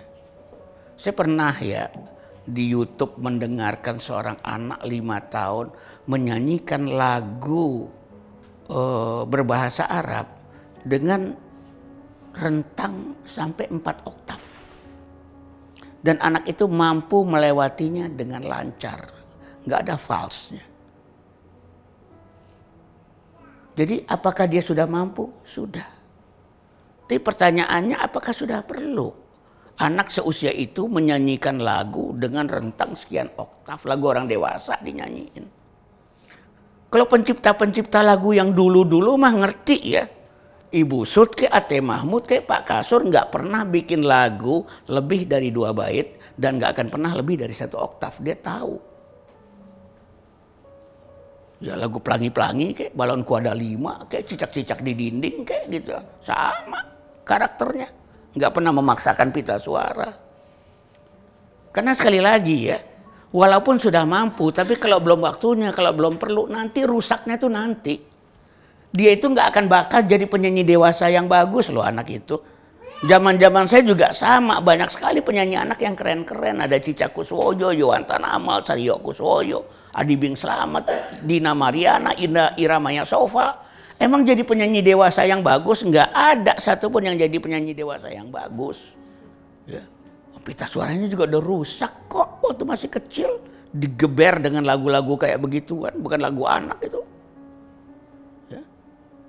Pencipta-pencipta lagu belakangan kan kayak nggak ngerti psikologi anak. Jadi sesuatu yang sudah mampu tapi belum perlu itu jangan dilakukan juga. Jadi bukan sekedar sudah mampu ya, tapi pertanyakanlah sudah perlu apa enggak. Ada anak-anak umur lima, umur enam bulan diajarkan matematika dengan metode flashcardnya Glendoman. Bisa nggak? Bisa loh. Bahkan saya nggak kaget kalau suatu ketika terbukti ada anak dalam perut udah bisa diajarin kalkulus. Saya nggak kaget. Manusia itu cerdas banget gitu loh. Cuman permasalahannya adalah sudah perlukah? Ya. Dan di dalam pendidikan tidak berlaku kaidah lebih cepat lebih baik. Dalam pendidikan berlaku kaidah tepat waktu. Ya. Nggak selalu lebih cepat itu lebih baik dalam pendidikan. Segalanya kita bikin tepat waktu. Bahwa ternyata anak merangkak sebelum berjalan itu penting. Nggak usah bangga juga anak langsung bisa jalan nggak pakai merangkak karena kesetimbangannya bermasalah nanti kalau dia belum cepat ngerangkak. Gitu. Jadi digesa ya, digesa gitu loh. Kan ada yang lebih penting. Apa sih tergesa-gesa? Mendingan daripada digesa gitu-gitu didik iman. Mendingan didik akidah. Mantapkan keyakinan. Tumbuhkan cintanya pada Tuhannya. Emang sih belum bisa ini, belum bisa itu. Ya, tapi cintanya pada agamanya keren banget gitu loh. Ya, walaupun belum bisa ini, belum bisa itu gitu.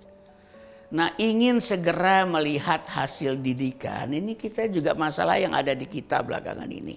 Segalanya kita ingin lihat hasilnya, segalanya kita ingin lihat hasilnya. Secepat mungkin, secepat mungkin. Kebetulan akidah itu memang nggak bisa cepat dilihat hasilnya. Tapi Allah udah ingatkan, Alam tara kaifa daraballahu masalan kalimatan thayyibah ka syajaratin thayyibah asluha sabitun wa far'uha fis sama tu'ti ukulaha kullahin bi rabbiha. Tidakkah kalian perhatikan bagaimana Allah membuat perumpamaan kalimat yang baik yaitu kalimat tauhid itu bagaikan pohon yang baik. Apa itu pohon yang baik? Pohon yang baik itu adalah pohon yang akarnya menghunjam ke bumi, batangnya menjulang ke langit, dia menghasilkan buah di setiap musim dengan seizin robnya. Buah apa yang setiap musim keluar terus?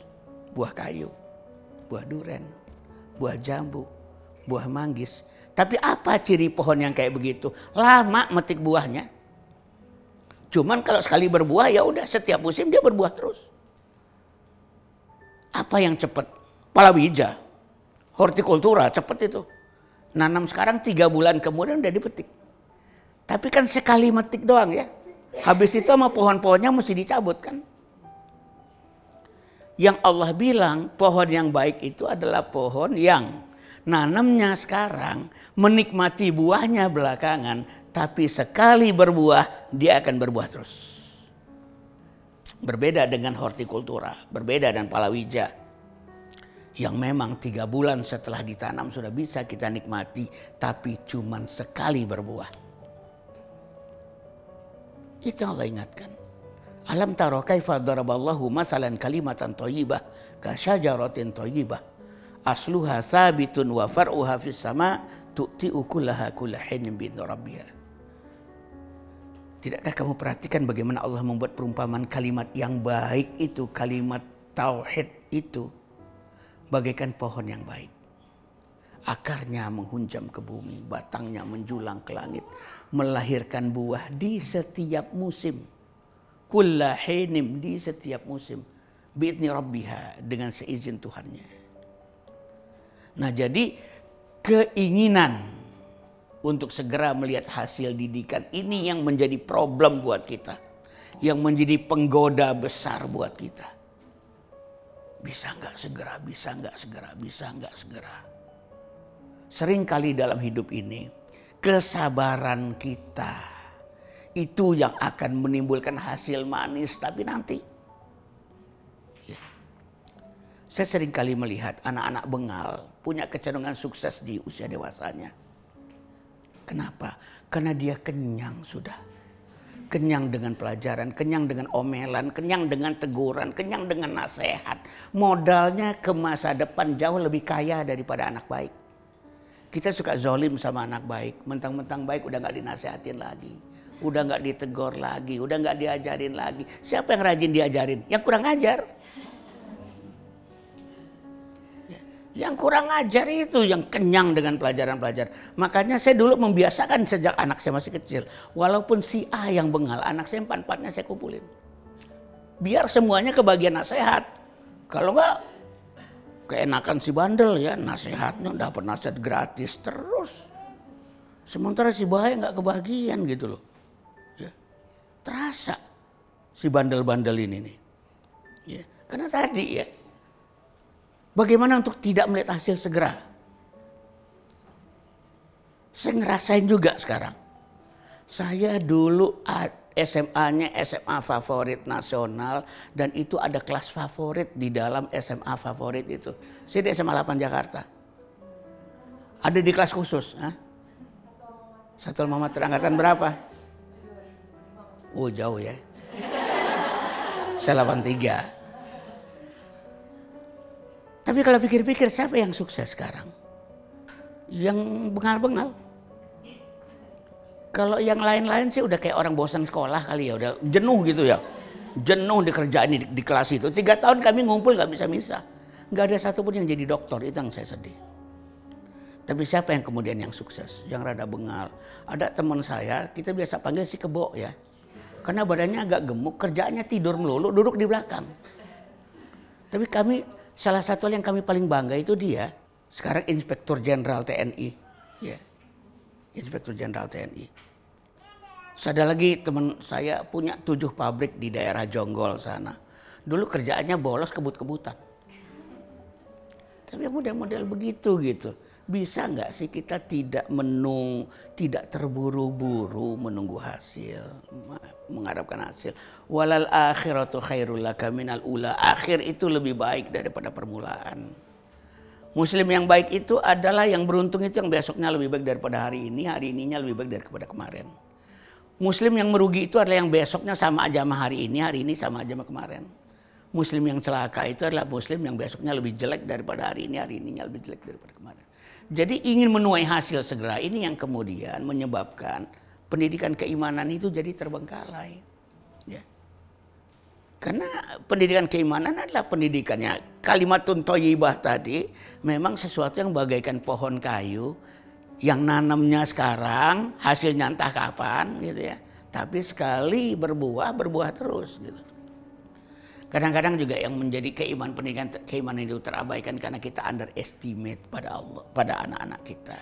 Seakan-akan kita belum dia belum layak bicara tentang Tuhan. Diajak diskusi tentang malaikat, diajak diskusi tentang surga dan neraka dan sebagainya. Padahal saya pernah ya ada anak TK. Saya ajak dia untuk main-main menyeberangi jembatan Siratul Mustaqim Ya, itu apa? Jadi kolam renang saya rentangkan tali gitu loh. Di bawahnya ada injekan, di atasnya itu ada pegangan. Diikat juga sebenarnya sama tali bileinya dia gitu gitu ya. Tapi sebelumnya saya ceritakan, kamu melewati jembatan Siratul Mustaqim, ceritanya di bawahnya itu ada neraka jahanam. Itu sampai keringat dingin tuh anak ngelewatin. Karena dalam imajinasi anak seumuran itu, memang dia akan ngebayangin di bawahnya itu api.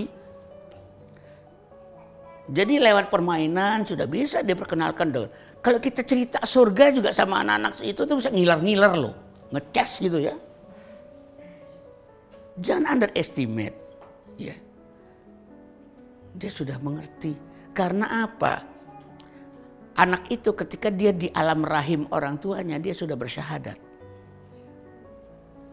Allah bertanya kepadanya, Alastu bi rabbikum, bukankah aku ini Tuhan kalian? Qalu bala syahidna. Dan kita semua dulu waktu di alam rahim berkata, benar. Kami bersyahadat. Jadi memang sudah naluriah. Beriman itu naluriah. Jangan underestimate sama anak. Iman itu naluriah. Sehingga ngajarin iman, iman itu udah kayak reminding aja udah. Ngingetin lagi, udah cuman gitu doang. Ngingetin lagi. Ya. Jangan dikira ngajarin lagi dari nol lah ya sekedar ngingetin. Makanya ada istilah pendidikan akidah itu pada dasarnya adalah inside out, bukan outside in. Ya. Ngeluarin apa-apa yang memang udah ada di dalam. Inside out. Bukan outside in, bukan doktrin. Didik iman bukan doktrin. Makanya dalam satu hadis yang terkenal dikatakan kullu mauludin yuladu alal fitrah fa abawahu yuhawidanihi au yunasiranihi au yumajisani. Setiap anak terlahir dalam fitrah. Abawanya lah yang menjadikan dia Yahudi, Nasrani atau Majusi. Ada dua hal yang menarik di sini. Yang disebut abawanya yang menjadikan dia Yahudi, Nasrani atau Majusi. Apa itu abawa? Bapaknya. Mana bapaknya itu sekarang? Ya. Yang kedua, kenapa disebut Yahudi, Nasrani, Majusi, Islam nggak disebut? Kenapa nggak disebut fa'abawahu yusallimani? Bapaknya yang menjadikan dia muslim, kenapa enggak? Karena memang fitrah manusia itu mah udah muslim. Jadi memang benar-benar inside out aja. Jangan underestimate. Emang aslinya udah muslim. Tinggal dikembangin. Beda kalau mendidik anak jadi Yahudi, memang butuh rekayasa bapaknya. Mendidik anak jadi Nasrani itu butuh rekayasa bapaknya. Mendidik anak jadi Majusi itu butuh rekayasa bapaknya. Tapi mendidik anak jadi Muslim, ya memang aslinya udah Muslim, tinggal dirawat, dipelihara, dikembangin inside out aja, gitu. Yeah. Yeah. Nah gitu. Nah kadang-kadang gini, ada anggapan terabaikannya? Banyak yang orang tua yang menganggap bukannya nggak penting. Akidah itu memang penting penting banget tapi entar. Selalu ada anggapan gitu kami juga tahu kok akidah itu penting. Tapi entar. Kami tahu kok niat itu penting tapi entar. Sekarang dibiasain aja dulu. Nanti kalau udah gede kita juga bakal ngajarin niat kok. Niat sholat Ntar kalau udah gede kita juga akan ajarin akidah kok, tapi ntar kita juga tahu kok penting gitu loh. Padahal ini bukan sekedar penting tapi entar, penting dan sekarang. Penting dan sekecil mungkin. Ya. Nanti di pertemuan ketiga kita akan bicara banyak tentang how to-nya. Nggak sulit kok. Bukan ngajarin rukun iman ada enam, bukan itu yang diajarin kok seorang ibu yang membaca Quran ketika anaknya ada di dalam perut itu juga udah pendidikan akidah. Gitu ya. Nah gitu. Ya. nah problematikanya juga pendidikan akidah menjadi sesuatu yang terbengkalai karena kita udah nggak ngerti bagaimana cara mendidik hati karena kita dari TK, SD, SMP, SMA selalu diajari bagaimana berinteraksi dengan otak. Bagaimana mendidik otak sementara mendidik iman tuh mendidik hati. Maka di pertemuan kedua nanti kita lebih banyak bicara tentang bagaimana berinteraksi dengan hati, berbicara kepada hati, mendidik hati, berkomunikasi dengan hati. Kalau nggak kagok, tahu bahwa anak kita perlu dididik iman, cuman kita juga sadar ngedidik iman itu berdialog dengan hatinya si anak gitu. Sementara kita udah makin kagok dengan hati itu sendiri. Selama ini kita hanya bicara tentang otak saja. Akibatnya ngajarin iman, akhirnya cuma ngajarin pengetahuan tentang iman, bukan keyakinan. Yakin itu urusan hati. Otak ini justru pencipta keraguan. Karena sifatnya otak itu kritis. Cenderung mempertanyakan segala hal. Yang menciptakan keyakinan apa? Hati. Selama kita mendidik otak anak, nggak akan lahir keyakinan itu yang muncul keraguan. Karena ciri otak itu memang ragu, skeptik, ya. Skeptik. Makanya berpikir manusia itu cenderung kritis. Kalau ingin bicara tentang keyakinan, bicaralah ke hati. Tapi gimana caranya? Kita udah mulai kagok. Sehingga tahun lalu, 14 Januari, saya pertama kali menghidupkan Forum Femininitas Bunda mendidik kembali femininity, bicara tentang hati, nurani, cinta, kasih sayang, ketulusan, keikhlasan, kepedulian, empati, rasa, emosi, intuisi, firasat. Kita bicara itu. Ya. Saya mohon maaf, saya nggak sempat bawa bukunya, sudah ada bukunya, Femininitas Jalan Pulang Fitrah Bunda namanya ya Itu kumpulan ceramah saya yang ditulis ulang oleh murid-murid saya angkatan pertama. Ya, dipimpin oleh Bunda Nifah. Itu. Jadi itu kagok kita bicara kepada hati. Sehingga ujung-ujungnya yuk didik iman, didik iman. Yang ujungnya pengetahuan juga yang dididik bukan iman. Tapi teori tentang iman gitu ya. Rukun iman, lo ngajarin iman itu bukan ngajarin rukun iman. Tapi kalau ngajarin syariat memang bisa ke otak ngajarin akhlak memang bisa kotak. Ya. Tapi ngedidik iman itu kan bicara dari hati ke hati. Nah kita udah kagok. Pendidikan kita terlalu berorientasi intelektualitas. Pekerjaan kita terlalu berorientasi profesionalitas. Jadi nggak udah nggak bicara hati lagi. Kehidupan semakin keras menyebabkan kita merasa bahwa kita harus selesaikan sesuatu dengan otak dan otot, bukan dengan hati. Yeah. Nah gitu. Ketika ayah tak hadir dalam mendidik anak, terpaksa bunda berperan ganda, jadi ayah jadi bunda juga sekaligus. Akibatnya luruhlah femininitas itu yang menguat maskulinitasnya. Nah sehingga suplai hati kepada anak nggak berkembang. Gitu. Karena pendidikan kita itu terlalu maskulin. Sementara bicara akidah bicara hati.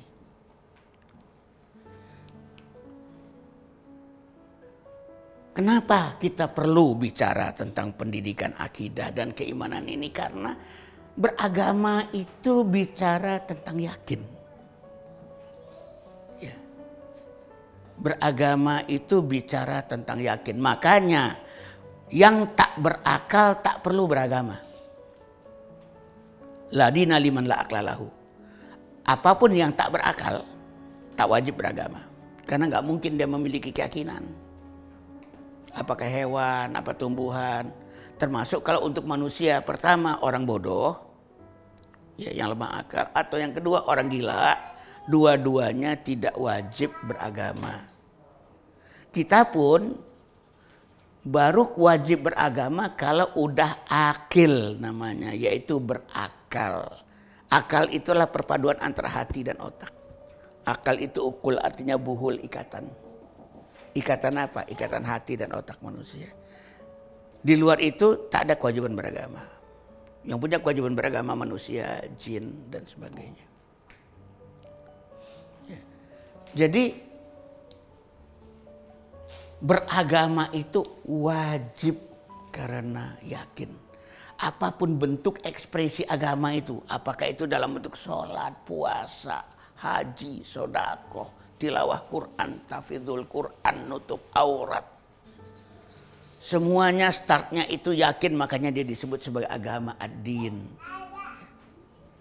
Jadi sekali lagi seperti saya katakan, jangan-jangan yang kita lahirkan itu muslim bukan mukmin. Buya Hamka pernah nyindir ya. Jika kalian ingin melihat jumlah muslim di satu negeri, lihatlah yang sholat pada saat sholat id. Jika kalian ingin melihat mukmin di satu negeri, lihatlah yang sholat pada saat sholat subuh. Gitu. Karena kalau nggak karena iman itu berat lah itu sholat subuh tuh. Karena harus melawan sekian banyak hal ya. Lagi asik tidur, lagi dingin-dinginnya gitu ya. Kita mesti berangkat ke masjid. Nggak, nggak, nggak mudah sama sekali. Ya. Kenapa yang pertama kali ditanya oleh Allah di akhirat itu nanti sholat? Kenapa bukan puasa yang ditanya? Bukan haji yang ditanya, bukan zakat yang ditanya. Kenapa sholat? Karena sholat itu pada dasarnya ekspresi iman yang terbaik. Karena sholat itu sebenarnya sesuatu yang useless. Kalau bukan karena iman kita nggak akan lakukan. Puasa useful. Kita bisa jadi kurus dibuatnya, bisa buat diet itu puasa. Zakat itu useful, makanya banyak orang kafir pun melakukan charity. Ya. Yang lain-lain ada hikmah-hikmah dan manfaat yang bisa diambil.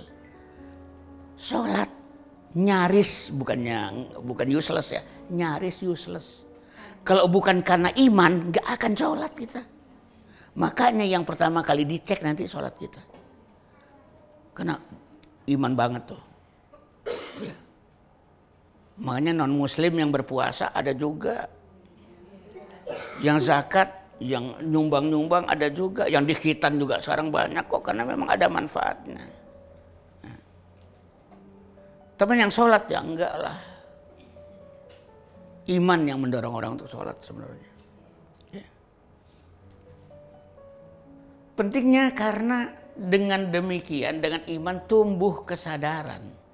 Ya, tumbuh kesadaran segala sesuatu dilakukan karena sadar sehingga kita nggak letih gitu loh. Sampai kapan kita sebagai orang tua akan kecapean ya? Di mana anak itu selalu disuruh-suruh. Suruh sholat suruh puasa suruh ngaji suruh ini suruh itu. Ya. Dengan ajak dia dengan kesadaran. Pernah satu ketika anak saya itu disuruh sholat nunda gitu loh. Entar bi.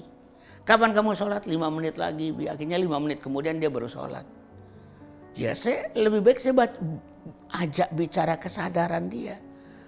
Seminggu kemudian dia butuh duit 300 ribu ada acara piknik di sekolah. Abi, aku butuh 300 ribu Bi. Buat apa? Buat piknik di sekolah. Waduh, Abi lagi belum dapat rezeki dari Allah. Jadi belum bisa memenuhi keperluan kamu. Kira-kira kapan ya Abi ya? Coba deh seminggu lagi kamu tanya lagi ke Abi. Mudah-mudahan Abi udah dikasih rezeki sama Allah. Sengaja saya nggak bilang dikasih duit ya, tapi dikasih rezeki sama Allah. Seminggu kemudian dia nanya lagi, Bi, udah dapat rezeki dari Allah buat keperluan piknik aku, Bi. Belum, Allah belum ngasih rezeki juga. Kapan ya kira-kira Allah ngasih rezeki? Coba tiga hari lagi kamu tanya ke Abi. Tiga hari kemudian dia nanya lagi, Abi, udah ada rezeki dari Allah buat keperluan aku, Bi? Belum juga. Kenapa Allah belum ngasih juga rezeki buat Abi buat keperluan aku ya? Dek, ketika kamu menunda-nunda permintaan Allah, kan Allah juga boleh dong nunda-nunda permintaan kamu. Fair kan? Kalau mau, jangan tunda-tunda permintaan Allah agar Allah nggak nunda-nunda permintaan kamu. Diam langsung. Nah sesudah itu baru mulai itu. Bahkan anak saya yang paling tepat waktu sholatnya itu si bontot. Si bontot itu. Yang dulu sering nunda-nunda justru kerjanya tuh. Tapi kan saya lebih baik menyentuh imannya kan. Ya. Sebagaimana kamu berhak menunda permintaan Allah, maka Allah pun berhak menunda permintaan kamu. Consequential learning. Ya. Allah juga sudah bilang kok dalam surat 30 ayat yang ke-41 telah nyata kerusakan di darat dan di laut ulah perbuatan manusia agar Allah merasakan kepada manusia akibat ulah perbuatannya itu. Memang Allah itu selalu membalas perbuatan manusia walaupun nggak full. Kalau full babak belur kita. Allah ngebalas sedikit. Tapi selalu dibalas. Saya kebetulan di rumah saya juga jarang menggunakan reward and punishment. Cenderung menggunakan consequential learning memang. Pernah anak saya berantem banting pintu, ya sudah, pintunya saya buka engselnya. Saya senderin. Tinggal di Bekasi banyak nyamuk, pintu gak bisa ditutup, kebayang kan? Tengah malam gak tahan jam satu bu, ketok pintu kamar saya. Assalamualaikum Abi, Waalaikumsalam. Kenapa? Bi, mohon maaf Bi, tadi berantem banting pintu Bi. Janji Dewi gak banting pintu lagi Bi. Tapi please dong Bi, pasangin Bi. Oh jam 2 tuh ngantuk-ngantuk saya pasangin engsel. Tapi kan sejak saat itu dia udah nggak pernah banting pintu lagi. Ini consequential learning, bukan reward and punishment ya. Perbuatannya dia akibatnya ya melekat pada perbuatan itu sendiri. Dia banting pintu, pintu saya lepasin. Ya. Nah,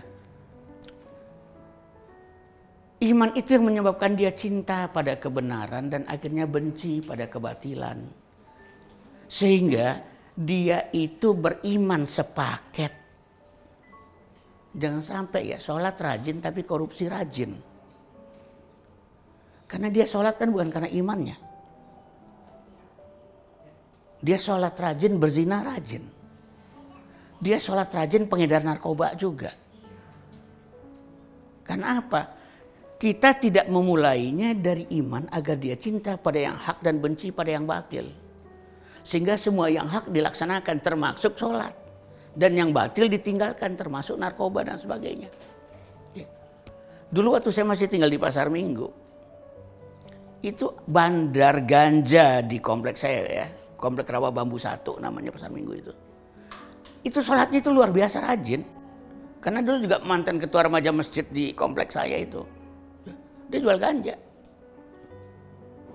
Ya, kalau saya tanya, kamu ngapain sih jual ganja? Loh, apa salahnya sih gue jual daun ciptaan Allah? Gitu jawabannya. Kan gue jual daun, bahwa disalahgunakan orang salahnya dia gitu. Jadi menurut lo halal? Iya halal kan, gue juga jualan daun. Daun doang gue nggak apa-apain daun. Ya udah deh, gue beli empat amplop, saya gituin buat apaan at dia bilang gitu pertanyaan buat apaan at aja menunjukkan nuraninya pun udah bertanya gitu terus saya bilang anak lo kan ada empat. Gua bagiin satu-satu daun ciptaan Allah buat anak lo. Saya gituin. Boleh nggak? Saya bilang. Diam aja dia. Eh boleh nggak? Dia udah meninggal di penjara ya. Dia udah meninggal sekarang. Boleh nggak? Jadi menurut lo gimana at kalau lo nggak suka gue kasih ganja itu ke anak lo berarti ganja ini emang nggak bener. Walaupun lo bilang daun ciptaan Allah. Gitu. Ya cukuplah sesuatu disebut keburukan. Kalau kita nggak ingin anak kita kena. Ya. Al ismu mahaka fi sadrika wa dan alaihin nas. Keburukan itu adalah apa-apa yang tercetus dalam hati dan kita nggak kepengen orang lain tahu aja itu udah disebut keburukan gitu loh. Sedih. Saya dulu pernah dekat dengan seseorang. Seorang AKBP, Ajun Komisaris Besar Polisi. Dulu kepala unit reserse anti narkoba Polda Kalimantan Barat. Dia ngundang saya ke Polda Kalimantan Barat untuk mendesain konsep community policing, policing ya. Pemolisian masyarakat di Kalimantan Barat, khususnya di kota Pontianak. Karena dia suka dengan apa yang saya hasilkan di Pontianak, kemudian dia minta saya untuk mendesain sertifikasi penyidik Polri di seluruh Indonesia. Ditunggu di Mabes Polri, Blok M. Saya tunggu-tunggu dia nggak datang, habis itu saya baca di TV. Seorang AKBP tertangkap di Kucing sedang mengedarkan narkoba. Apa nggak jengkel saya? Teman deket saya setiap kali ketemu dia tuh maki-maki soal narkoba. Karena saya kan di BNN lima tahun dulu ya. Di bagian prevensi. Gak taunya dia. Sholatnya ya Allah rajin sholatnya. Tapi ini kalau bukan iman yang menjadi basic. Jadi kecampur-campur tuh. Sholat rajin, korupsi rajin. Sholat rajin, berzina rajin sholat rajin, makin narkoba rajin. Dan yang paling parah untuk AKBP itu rupanya pengedar besarnya adalah istrinya. Dan dia kan pernah menjadi kepala unit reserse anti narkoba. Itu untuk melindungi operasi istrinya. Gitu. Sekarang dia 17 tahun ya. Dia pernah ngasih jaket sama saya. Setiap kali saya lihat jaket itu nangis gitu loh. Ya Allah, lu yang ngasih jaket ke gua, sekarang lu 17 tahun di penjara. Jadi itu. Ketika bukan iman yang dibangun itu ini terjadi. Ya. Tapi kalau iman terbangun, cinta pada kebenaran, benci pada kebatilan, dia akan menggunakan kebenaran itu satu paket. Ya kalau dia sholat, ya sholat itu mencegah dari yang keji dan mungkar. Kan gitu harusnya. Kok ada sih orang-orang yang sholat tapi nggak tercegah dari yang keji dan mungkar? Loh, sholatnya bukan karena iman. Sholatnya hanya soal latihan aja, soal pembiasaan aja. Dia juga nggak tahu arti dari tiap-tiap kalimat yang dia baca dalam sholat itu. Dia juga nggak tahu tiap-tiap kata yang dia hafalkan dari Al-Quran itu. Akhirnya kan bangkit rirah ya Iman intinya itu akan menghasilkan cinta. Nanti kita akan bahas di pertemuan yang kedua. Iman itu akan melahirkan cinta. Cinta dan benci itu selalu satu paket. Setiap pecinta pasti pembenci. Benci terhadap sesuatu yang bertentangan dengan cintanya itu. Seorang pecinta pasti pencemburu. Sehingga seorang pecinta otomatis lari rohnya ya terusik bagaimanapun dia melihat di Masjid Al-Munawarah Sentul misalnya ada seorang perempuan masuk masjid pakai alas kaki bawa anjing. ya gimana pun seorang yang beriman panas lah gitu ya. Bahwa kemudian dia mencoba menyabar-nyabarkan diri ya silahkan aja. Tapi memang wajar kalau giroh itu tumbuh. Sama kayak waktu itu ada orang Badui masuk Masjid Nabawi. Tiba-tiba kencing di pojokan. Ya Umar langsung ngangkat pedang. Lalu disabarkan oleh Rasulullah. Ya Umar ambil air seember siram selesai. Kan apa? Dia Yahu, dia Badui nggak ngerti bodoh maka nggak bisa diperlakukan dengan keras. Berbeda barangkali yang di Al-Munawarah ya, karena dia tahu, dia ngerti hukum-hukumnya. Ya. Sehingga wajar kalau kemudian diadukan ke polisi. Nah jadi ya iman itu yang membangkitkan ghirah. Jadi kalau ada orang-orang yang bertanya sekarang, ada sekian banyak masalah, ada sekian banyak kebatilan, ada sekian banyak ketidakbenaran. Lalu ada orang bertanya, ke mana mahasiswa kita? Misalnya gitu ya. Yang enggak lah mahasiswa-mahasiswa kita itu kebanyak juga di antara mereka yang girohnya itu memang tipis karena memang dia tidak dididik dengan iman ketika dia berislam. Ya. Enggak semudah itu gitu ya mau dipersalahkan juga emang nggak bisa dipersalahkan karena memang mereka sudah diasuh bukan untuk cinta. Lain kalau diasuh untuk cinta. Otomatis seorang pecinta itu udah pasti pencemburu.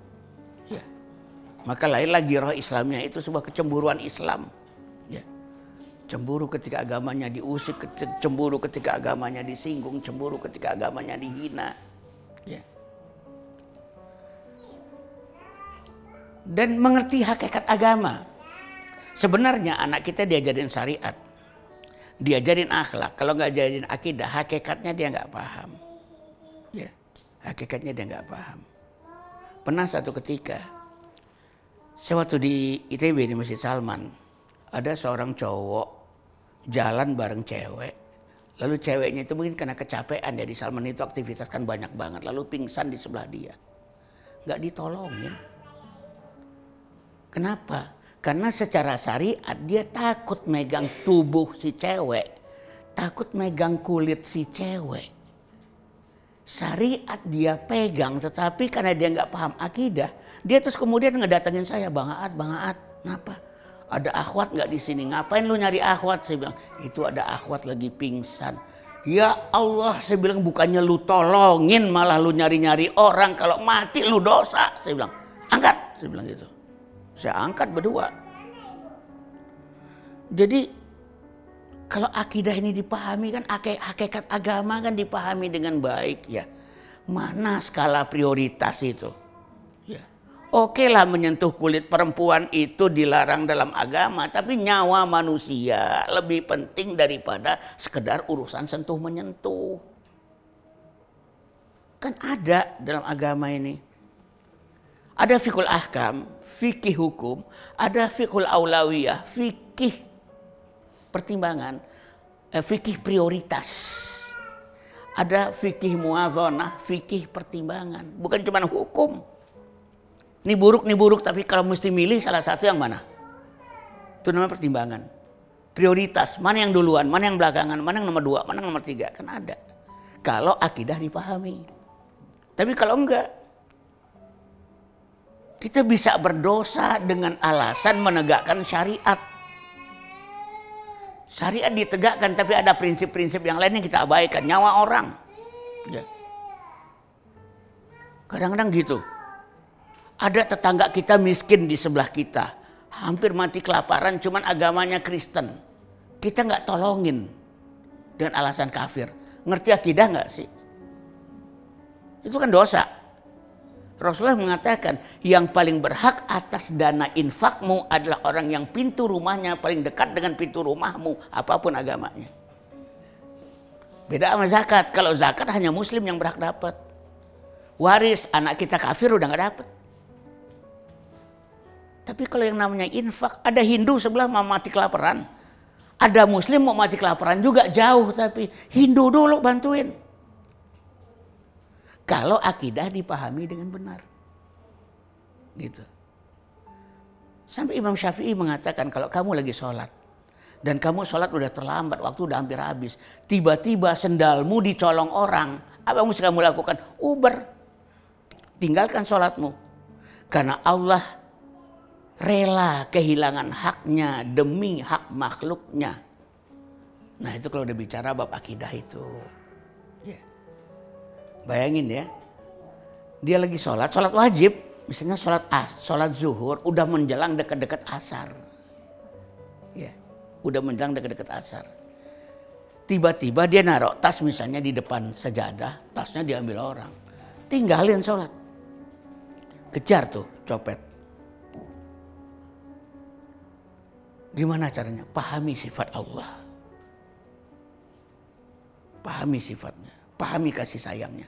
Pahami maha pemurahnya. Pahami maha pengampunnya pahami akidah. Dulu tahun 2003 pertama kali saya masuk Masjid Salman, biasalah.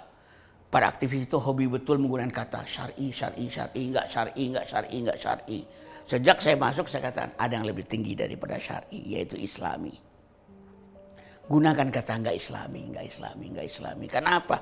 Islami sudah perpaduan antara akidah dan syariah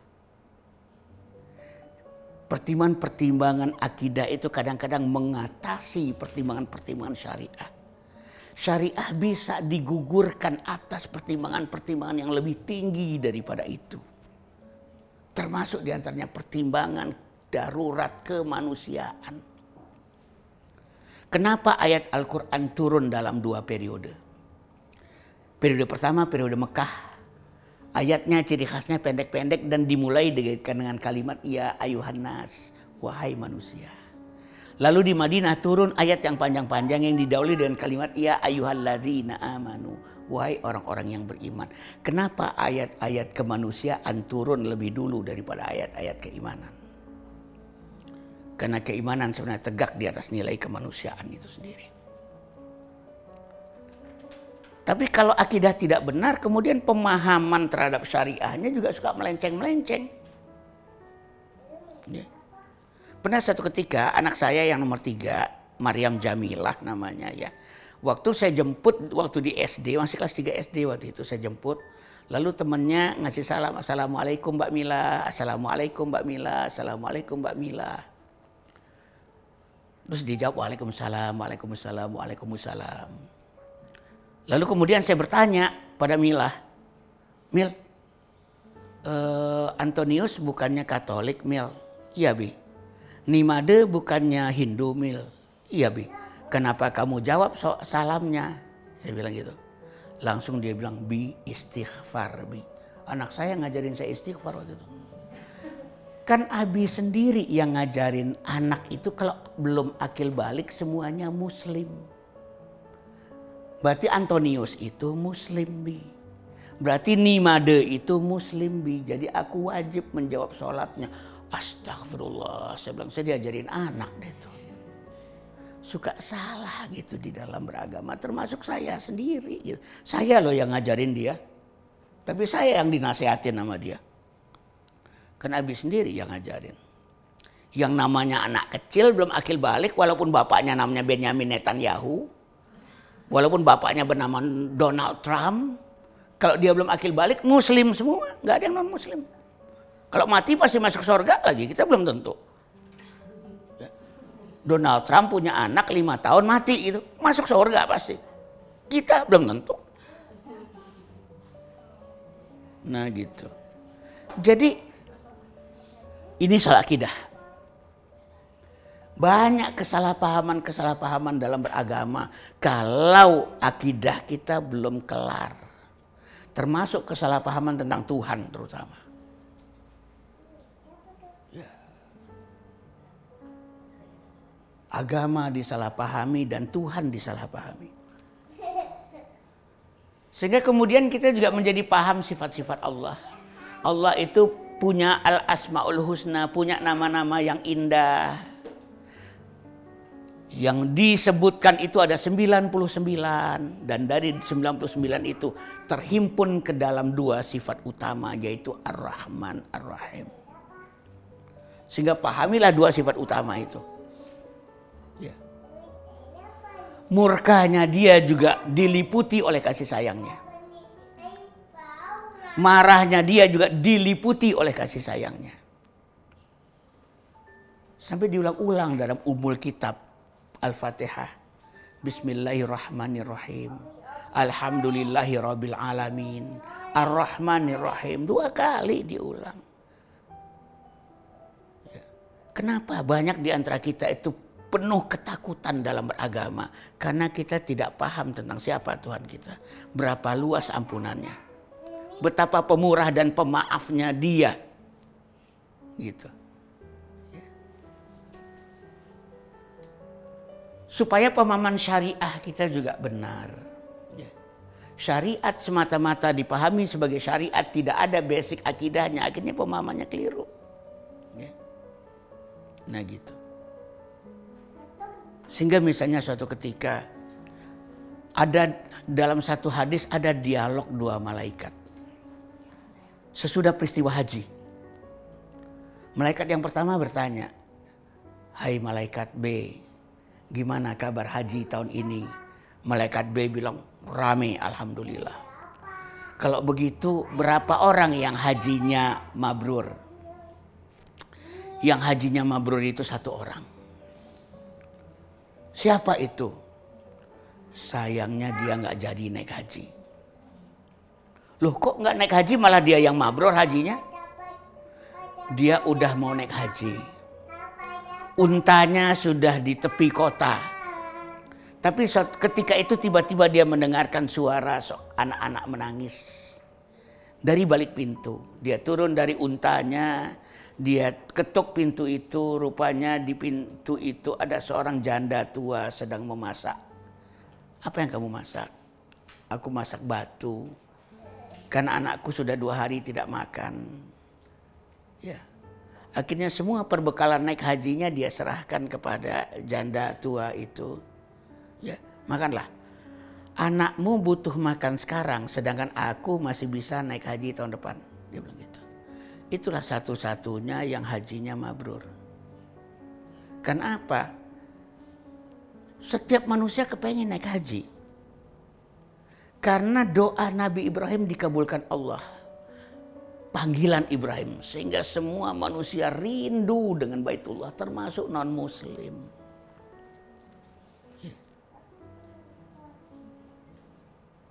Sehingga bisa nggak ini di, hanya bisa dikalahkan oleh iman hanya bisa dikalahkan oleh iman. Ya. Saya ingat dulu tahun 90 ulama setimur tengah berkumpul membahas tragedi Mina. Waktu itu tragedi Mina yang paling banyak tewas itu orang Indonesia ya.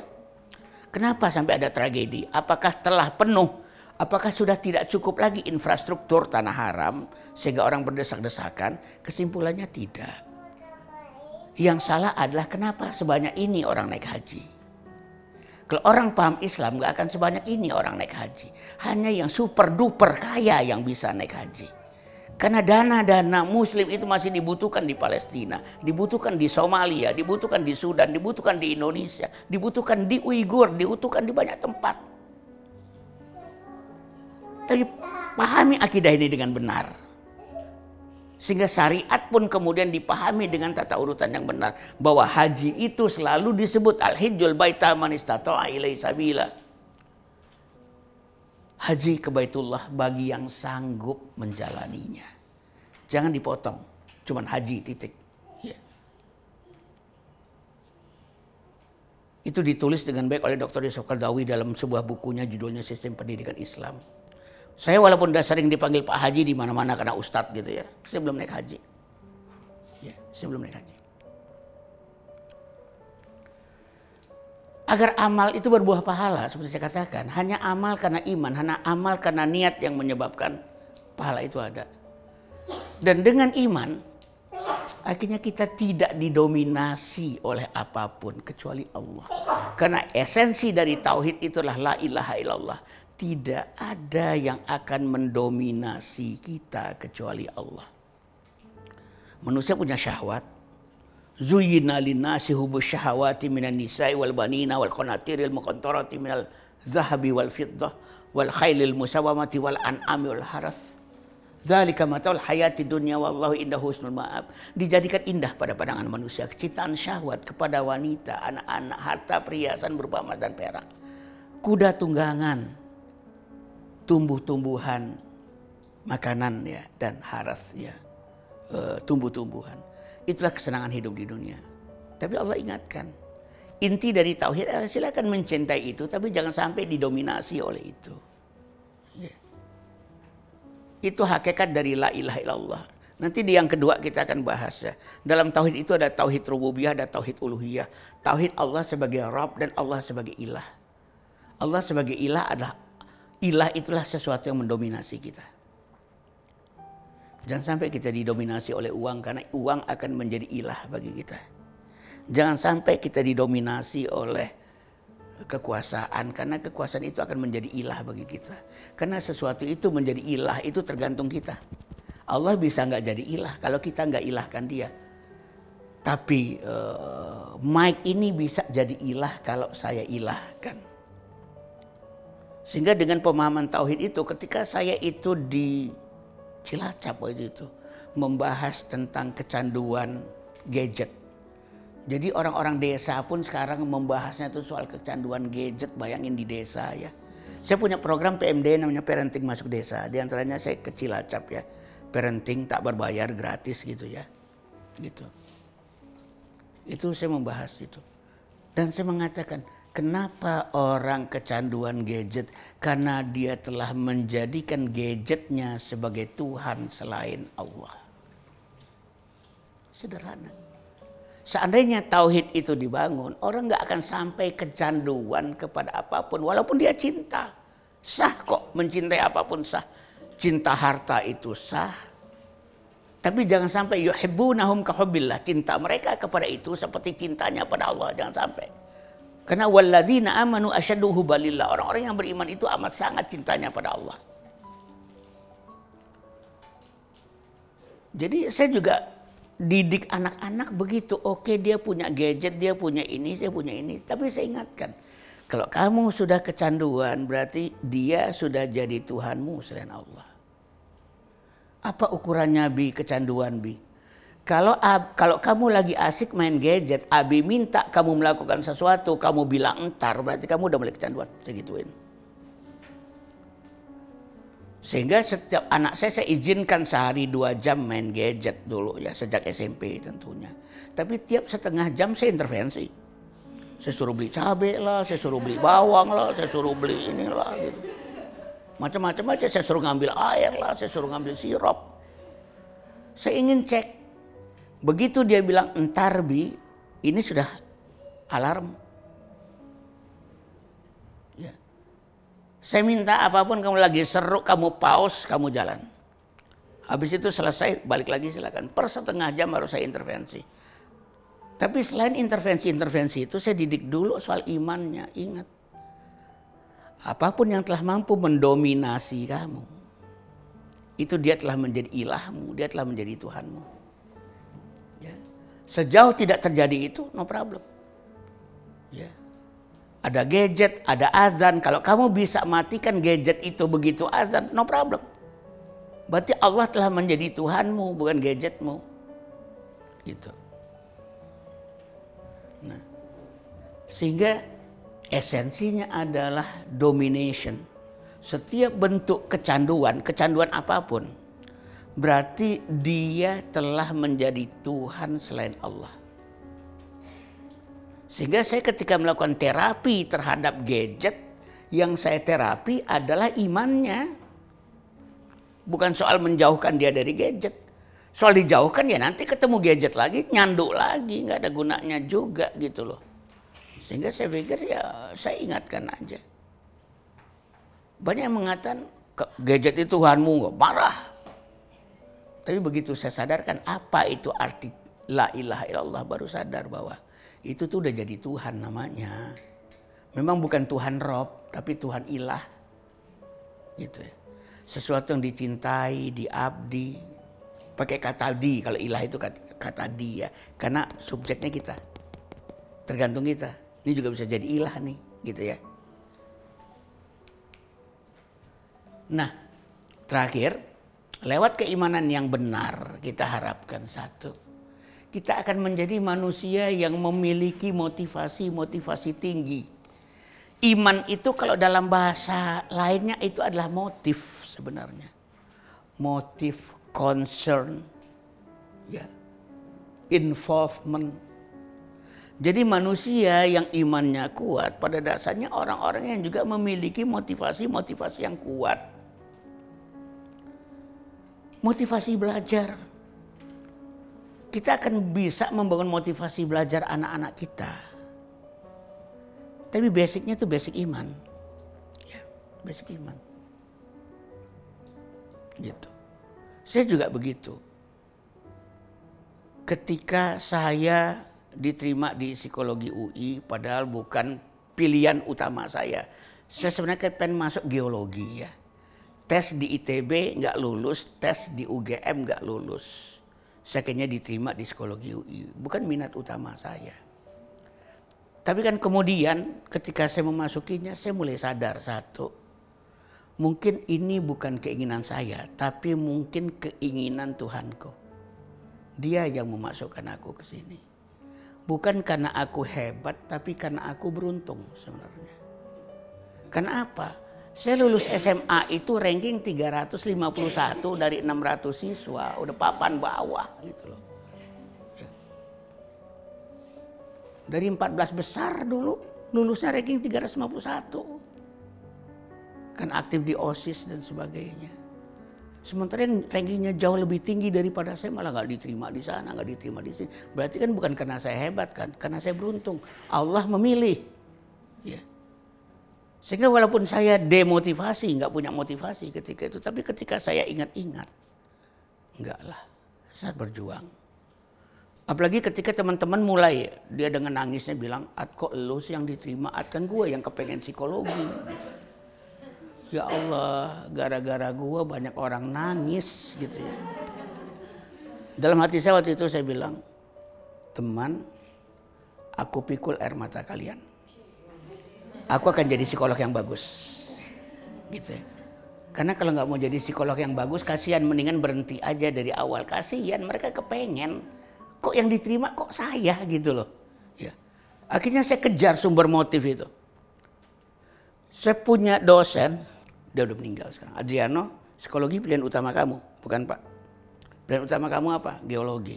Kenapa kamu nggak masuk geologi? Ya saya nggak diterima di ITB, saya nggak lulus di UGM, saya bilang.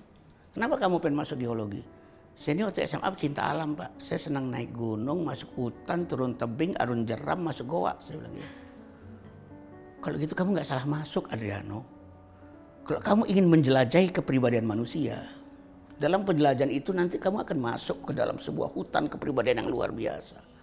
Ada gunung, ada jeram yang harus kamu tuh arungi gitu ya. Ada goa yang bisa kamu masuki, ada tebing yang bisa kamu turuni dalam penjelajahan kepribadian itu Adriano.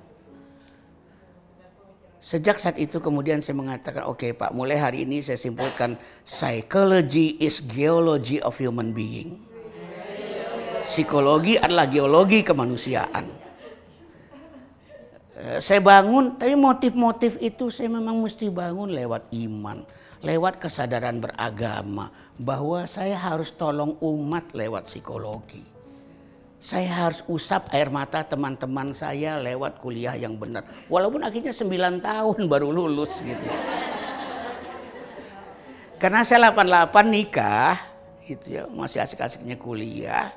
89 saya dirikan majalah Umi, saya pimpin tiga tahun, asik ngelola majalah, lupa kuliah gitu loh. Yeah.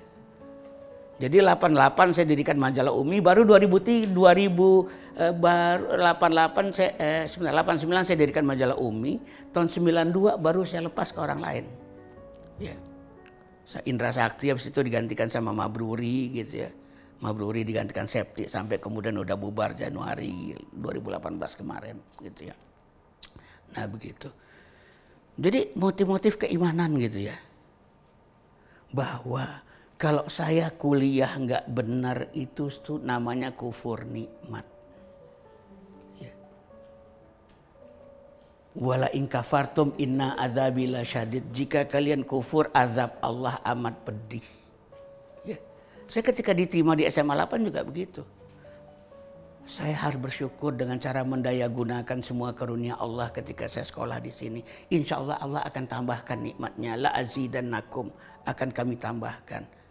Benar, saya nggak pakai bimbel, nggak pakai apa-apaan gitu ya. Ranking parah gitu kan.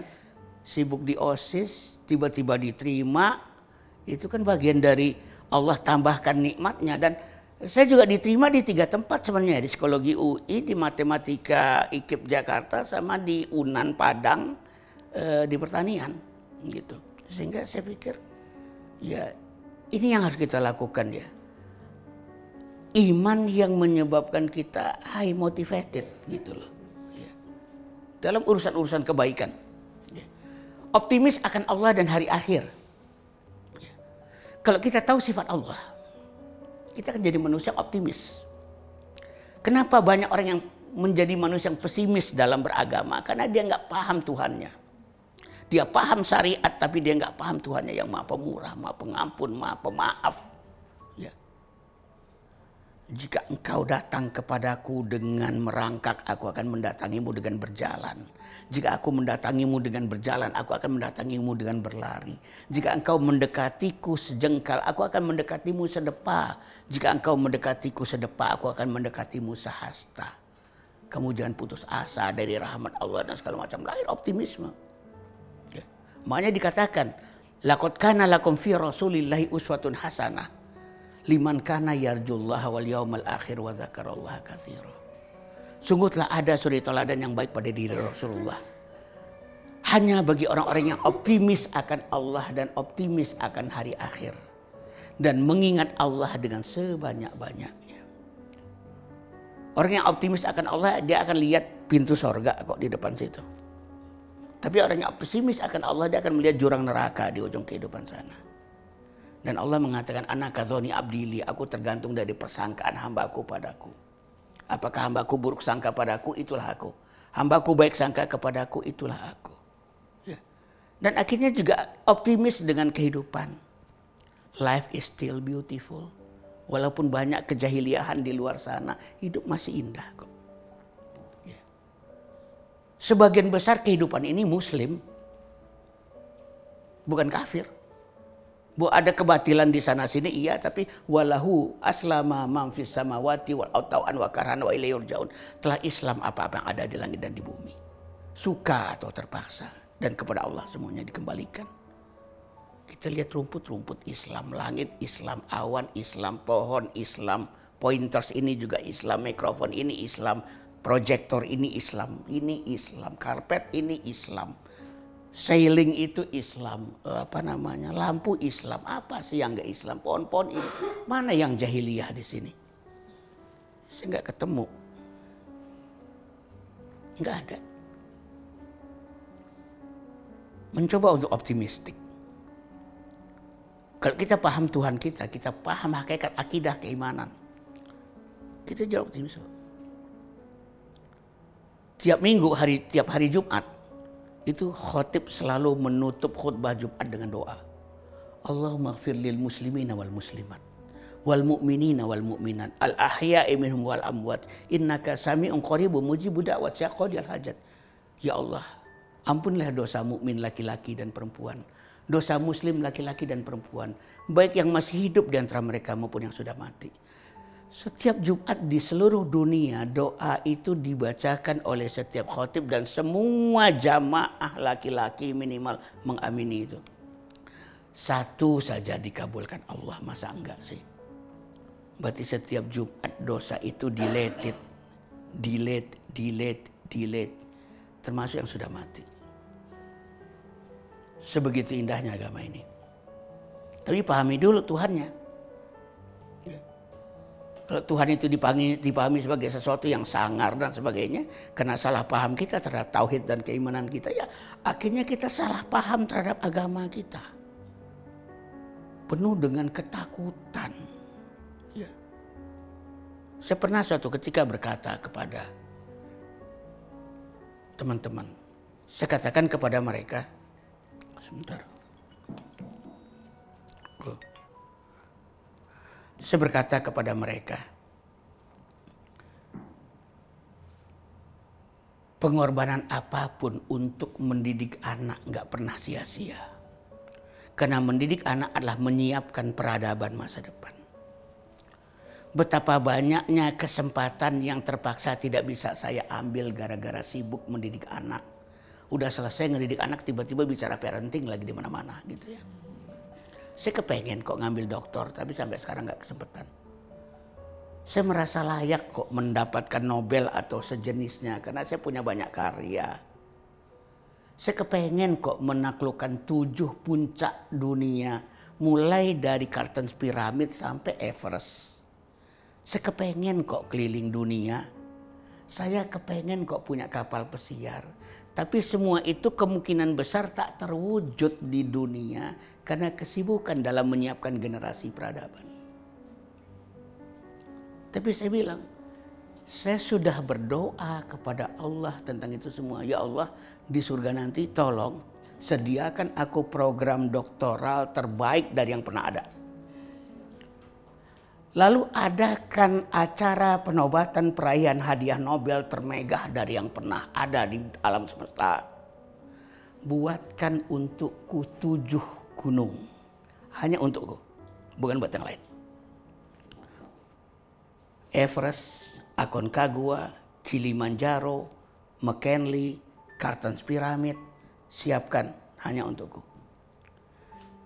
Ciptakan untukku Swiss, ciptakan untukku Paris, ciptakan untukku Barcelona, ciptakan untukku Venesia, ciptakan untukku Kenya, ciptakan untuk Afrika Selatan, ciptakan untukku Argentina, ciptakan untukku Meksiko. Dan benua-benua itu hanya untukku di akhirat nanti. Jadi saya tidak merasa pesimistik. Itu akan saya dapatkan nanti di akhirat. Karena keimanan menyebabkan hidup menjadi lebih panjang. Sesudah kehidupan di dunia ada kehidupan di akhirat. Teman saya nanya, emang lu yakin dapat itu semua? Optimis men. Kalau lu tahu sifat Allah, lu akan tahu lu akan dapat itu semua di akhirat. Saya tidak pernah merasa sia-sia bahwa dengan kesibukan menyiapkan generasi peradaban lalu nggak sempat begini dan begitu. Ya. Teman-teman suka di, di Dewan Pakar Masjid Salman suka nanya, Bang Aat kapan ngambil S3? Gimana mau ngambil S3? Persoalan di Salman aja nggak kelar-kelar. Ya sudahlah. Ya. Semuanya itu saya bisa.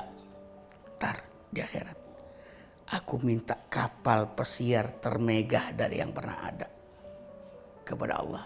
Saat itu nggak ada yang punya kapal pesiar lebih bagus daripada kapal pesiar yang saya punya. Udah. Gitu. Jadi optimisme ini kita bangun. Tapi ini iman, ini iman mesti bicara. Ya. Kenali dulu Tuhan kita. Kita akan berbaik sangka dengan dia. Dan akhirnya dengan iman itu kita akan berhimpun bersama orang-orang yang beriman pula di jalan Allah. Karena ikan hanya akan berkumpul dengan ikan. Angsa akan hanya berkumpul dengan angsa. Orang beriman hanya akan berkumpul dengan orang-orang yang beriman. Siratul mustaqim itu, itu adalah jalan orang-orang yang engkau beri nikmat atas mereka. Suratul ladzina an'amta alaihim. Jalan orang-orang, jadi kumpulan orang. Ya, makanya Rasulullah mengatakan al arwahu junudun mujannada. Ruh-ruh manusia ini bagikan tentara yang berbaris. Di Facebook saya pernah bikin tulisan yang kemudian jadi populer ya. Ruh nggak akan pernah salah gaul gitu ya. Saya kan pernah bikin tulisan ruh tidak akan pernah salah gaul. Jadi kita didik anak-anak kita dengan ruh keimanan. Dengan ruh keimanan itu dia akan memilih temannya sendiri. Nggak akan nyaman dia berteman dengan yang brengsek. Nggak perlu terlalu kita kendalikan juga lah pergaulan anak-anak kita itu. Bangun aja ruh yang baik. Dia, dia akan memilih juga ruh-ruh yang baik. Ikan akan ketemu dengan ikan kok. Ya. Suatu ketika saya ngajak anak-anak saya jalan-jalan ke Bali, nginep empat malam, lima hari empat malam. Tapi hari ketiga, akhirnya saya pulang karena anak saya secara ruhiyah nggak nyaman di Bali. nggak tahu ya apakah karena aura yang terlalu barat atau mungkin aura yang terlalu Hindu saya nggak tahu ya secara ruhiyah dia ternyata kayak ada gaya tolak dan dia nggak merasa nyaman padahal saya kan ngajak dia ke Bali kan untuk menghibur ya sudah kalau kamu memang merasa nggak nyaman kita pulang saya bilang yang saya curigai itu bapaknya nyaman-nyaman aja berarti kan keimanan bapaknya udah mulai kacau gitu ya saya kok ya happy happy gitu. Saya mulai istighfar loh itu. Ya Allah, ruhiyah saya udah kacau gitu. Kebetulan saya itu di Legian itu punya tiga klien ya. Jadi saya sering ke Bali. Jadi emang agak kotor-kotor saya gitu ya. Terlalu banyak berinteraksi dengan itu semua. Dan dengan ruhiyah yang sama, kemudian anak-anak saya itu juga nggak suka menonton tayangan-tayangan yang nggak bagus gitu loh. Jadi enggak, saya bukan tipe orang yang ingin mensensor tayangan TV ya. Saya cuma berpikir kalau ruyah anak saya bagus juga dia nggak akan nonton tayangan-tayangan yang jelek. Ya. Saya kan punya TV kabel 36 saluran ya. Itu dia anak saya buka channel, "Bi, ini jelek Bi hapus saja." Hapus. Ini jelek Bi hapus saja, hapus. Terus saya bilang, "Kalau begini mendingan gak usah berlangganan TV kabel, semua lu hapusin gitu ya." akhirnya hapus saya udah akhirnya nggak berlangganan lagi TV kabel mereka juga bukan tipe orang yang akhirnya senang nonton gitu loh ya nggak senang nonton karena dia merasa secara ruhiyah auranya nggak cocok dengan suasana batinnya dia gitu loh jadi kan soal pendidikan anak agar dia bergaul dengan orang baik dan segala macam ini juga didiklah akidahnya gitu ya. Pernah satu ketika adik saya nangis waktu itu saya lagi di Purwokerto adik saya nelfon bang eh udah kenapa? Saya bilang aku semalam shock dah. Sampai saya jadi imam sholat itu udah nggak bisa lagi baca ayat sesudah fatihah nangis doang. Kenapa anakku yang tertua waktu saya buka HP-nya itu chattingnya kacau Pak anak rohis ya anak rohis itu anak rohis zaman sekarang dia chatting dengan sesama anak rohis perempuan, ponakan saya ini laki-laki. Tapi chattingan anak sekarang lah. Eh, vaginamu kayak apa sih? Tolong dong diposting gitu ya. Ya, kita mah selfie kan begini, anak zaman sekarang kan selfie di bawah das. Vaginanya ditunjukin. Ini vaginaku, penismu kayak apa? Tunjukin juga dong, dipotoin lagi gitu ya panik lah uh, adik saya itu kan ngelihat gambaran kayak gitu. Ini anaknya anak baik, anak rohis segala macam. Dia bergaul dengan sesama anak rohis begitu. Dua-duanya rupanya juga jadi member dari JKT48 gitu kan. Nah gitu. Ya. Terus dia nanya, kalau udah pernah nggak sih ngoprek-ngoprek HP anak udah? Nggak pernah, saya bilang. Nggak pernah. Karena saya dalam mendidik anak harus berangkat dari sebuah trust and respect bahwa dia adalah anak baik. Gak akan saya oprek-oprek. Yeah. Saya berangkat dari perasaan dia anak baik. Kalau seandainya udah buka gimana? Ya kalau kamu nangis mungkin saya nangis bombay kali saya bilang. Jangan-jangan lebih serem lagi isinya. Dan saya nggak mau buka. Ya. Saya dari dulu pun waktu anak saya masih kecil, saya bilang sama adik saya, anak adik saya, sekedar buka tas anak itu saya minta izin, jangan lupa saya bilang. Ya. Apalagi buka lemarinya, apalagi sekarang dia sudah dewasa. Dia punya hak-hak syar'i untuk menyembunyikan aib bahkan. Saya sebagai ayah nggak berhak untuk ngebongkar itu dalam ajaran Islam. Dia udah akil balik. Jadi apa yang udah lakukan? Yang coba saya lakukan adalah selain optimisme, baik sangka, berdoa kepada Allah lalu antisipasi. Kalau aku perumpamanya begini, saya bilang kalau aku khawatir anakku itu berdaki, aku antisipasi dengan menyediakan handuk, sabun dan air. Jika aku khawatir dia itu jigongan, aku antisipasi dengan menyediakan sikat gigi, odol, dan air. Jika aku khawatir dia itu bau, aku antisipasi dengan menyediakan parfum sebelumnya. Aku lebih ke antisipatif, tidak ingin membangun kecurigaan dalam pendidikan. Ya, lalu ngoprek-ngoprek di dalam diri anak. Selagi saya hobi ngoprek-ngoprek dunia dalam anak, maka orang lain pun akan banyak mengintervensi dunia alam, dunia dalam anak saya. Saya nggak ingin melukai egonya, egonya mesti kuat. agar mampu say no, agar mampu tampil beda, agar mampu menegakkan kebenaran walau seorang, agar agar mampu dia itu apa namanya uh, percaya diri. Karena saya sadar ini bangsa Indonesia bangsa yang egonya paling lemah di muka bumi, the most suggestible people in the world. Manusia yang sangat suggestible, gampang terpengaruh karena egonya selalu diterobos. Ini bangsa gampang lata, gampang kesurupan, gampang dihipnotis dan gampang disihir. Nah khusus untuk gampang disihir ini penyebabnya dua. Ego lemah, akidah lemah, udah selesai. Gampang disihir. Ya. Nah gitu. Sehingga saya memang berpikir ya, lebih ke menyiapkan ruh agar ruh-ruh itu berkumpul di jalan yang benar, bersatu dengan ruh yang sama. Tidak menyukai hal-hal yang buruk gitu. Ya. Akidah ini membangun ruhiyah. Memang segalanya serba nggak kelihatan kalau pendidikan akidah ini. Tapi kita bicara dampak. Ya. Kita bicara dampak lah. Ya. Melahirkan manusia-manusia yang berdaya juang. Karena manusia pecinta itu pasti manusia yang siap bertarung, memperjuangkan dan mempertahankan apa pun yang dia cintai. Walaupun pihak lain mengatakan oh itu terorisme dan sebagainya. Terorisme mah bikinan orang. Intinya daya juang, ruhul jihad dan sebagainya. Saya tertarik dengan pernyataan dari teman saya aktivis Katolik yang berkata, nampaknya di masa depan yang akan bertahan tinggal Islam. Karena tinggal Islam yang masih merawat ruh perjuangan, Bang. Agama-agama lain yang agama-agama lain itu telah membuang etos perjuangannya, Bang. Digantikan dengan cinta kasih, cinta kasih, cinta kasih. Kristen bicara tentang cinta kasih, Katolik bicara tentang cinta kasih, Hindu bicara tentang cinta kasih, Buddha bicara tentang cinta kasih, Konghucu bicara tentang cinta kasih.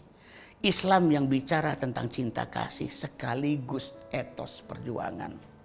Selama orang masih hidup di dunia, Bang, dia akan bertarung, struggle for survival.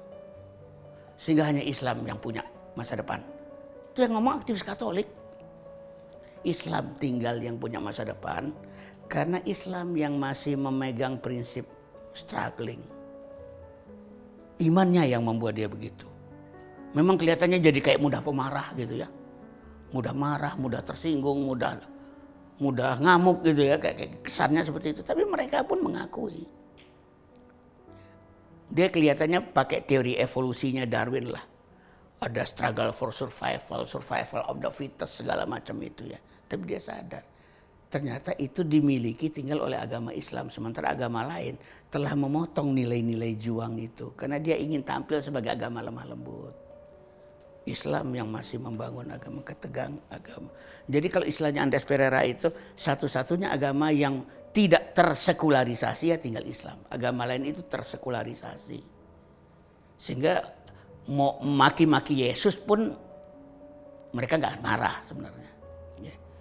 Kita boro-boro Yesus ya masjid apa namanya masjid aja diganggu kita bisa ngamuk gitu loh. Ya.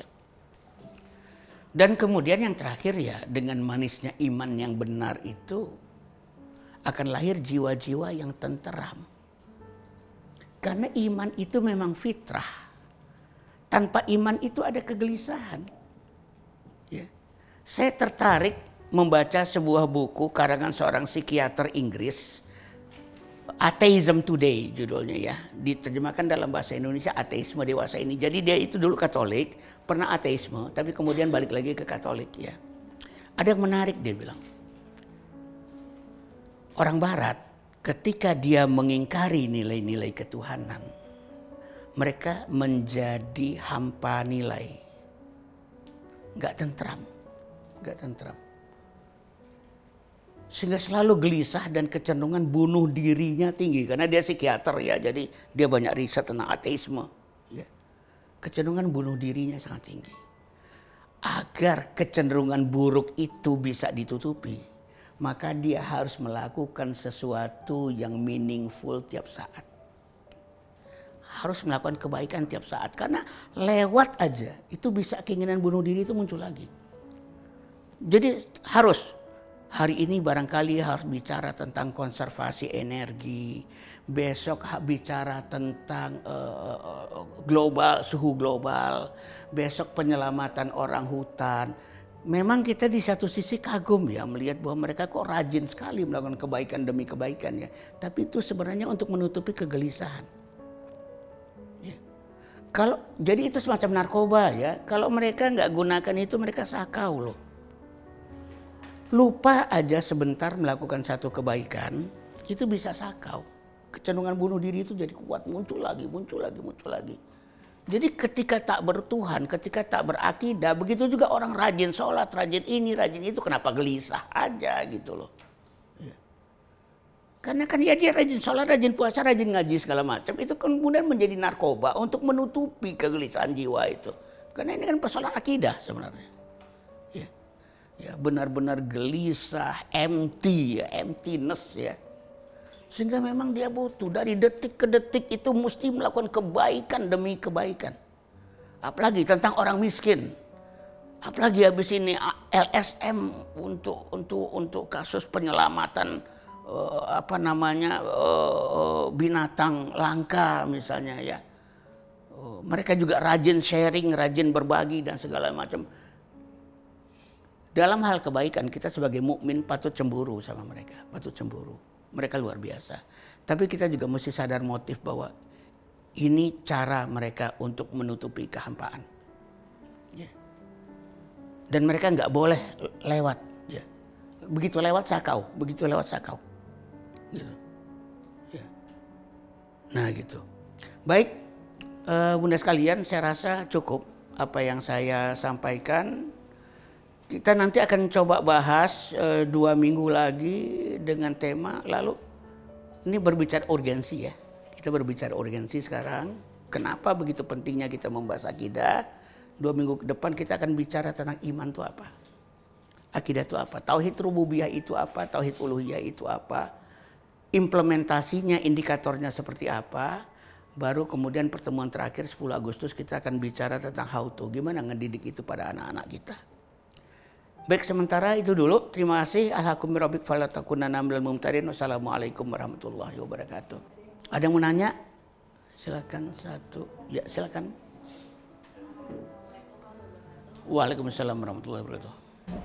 Uh, saya mau bertanya, tadi Ustaz sempat di awal-awal membahas tentang aktivasi orang-orang ketika anak diajarkan kalistum terlalu cepat gitu ya.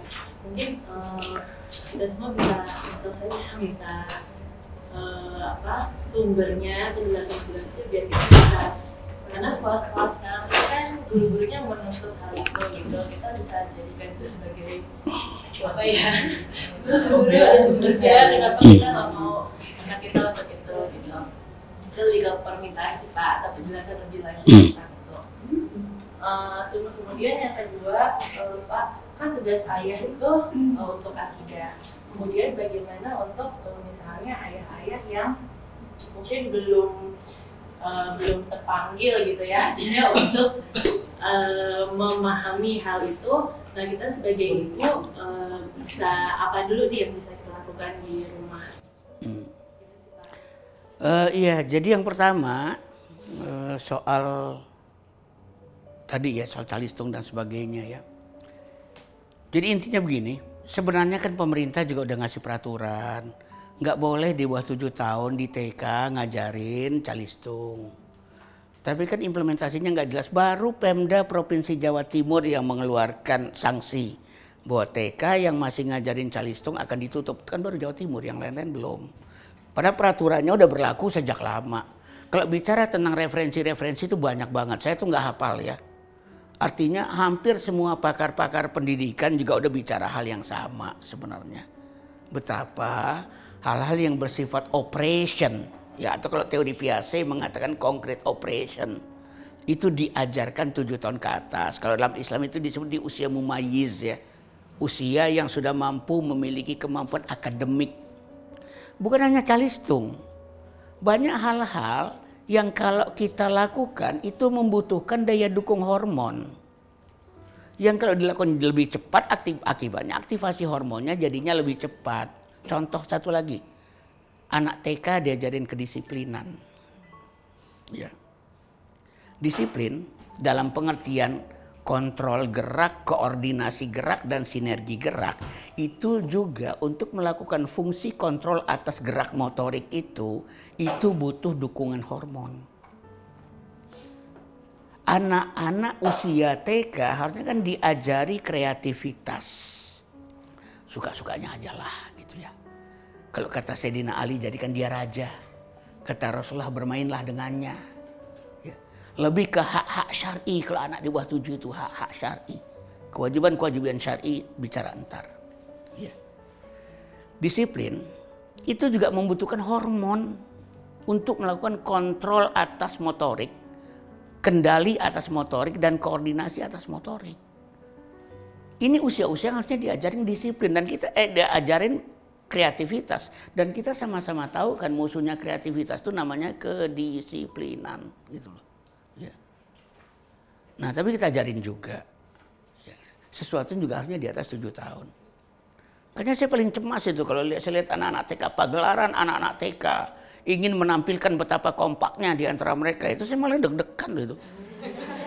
Ada sebuah TK di Jogja yang saya desain ulang ya TK YWKA Jogja. Saya akhirnya saya ganti namanya jadi TK Omah Dolanan. Waktu saya launching ya, waktu soft launching itu juga ada pagelaran anak TK duh saya berdoa semoga nggak kompak semoga nggak kompak gitu dan alhamdulillah saya senang betul tuh begitu sangat nggak kompak deh bahagia saya ya begitu lagu diputar ada yang udah nari ada yang masih diam. Aduh alhamdulillah. Ada yang muter kiri ada yang muter kanan. Aduh alhamdulillah. Senang ada yang lompat ada yang ngeliatin yang lompat. Alhamdulillah yes. Gitu ya. Gitu. karena bukan apa-apa ya. Kontrol motorik itu membutuhkan daya dukung hormonal juga. Ini yang menyebabkan ya hormon-hormon kematangan itu tumbuh terlalu cepat. Ya. Saya nggak hafal referensinya ya, tapi mungkin bisa dicarilah di Google dan sebagainya. Ya.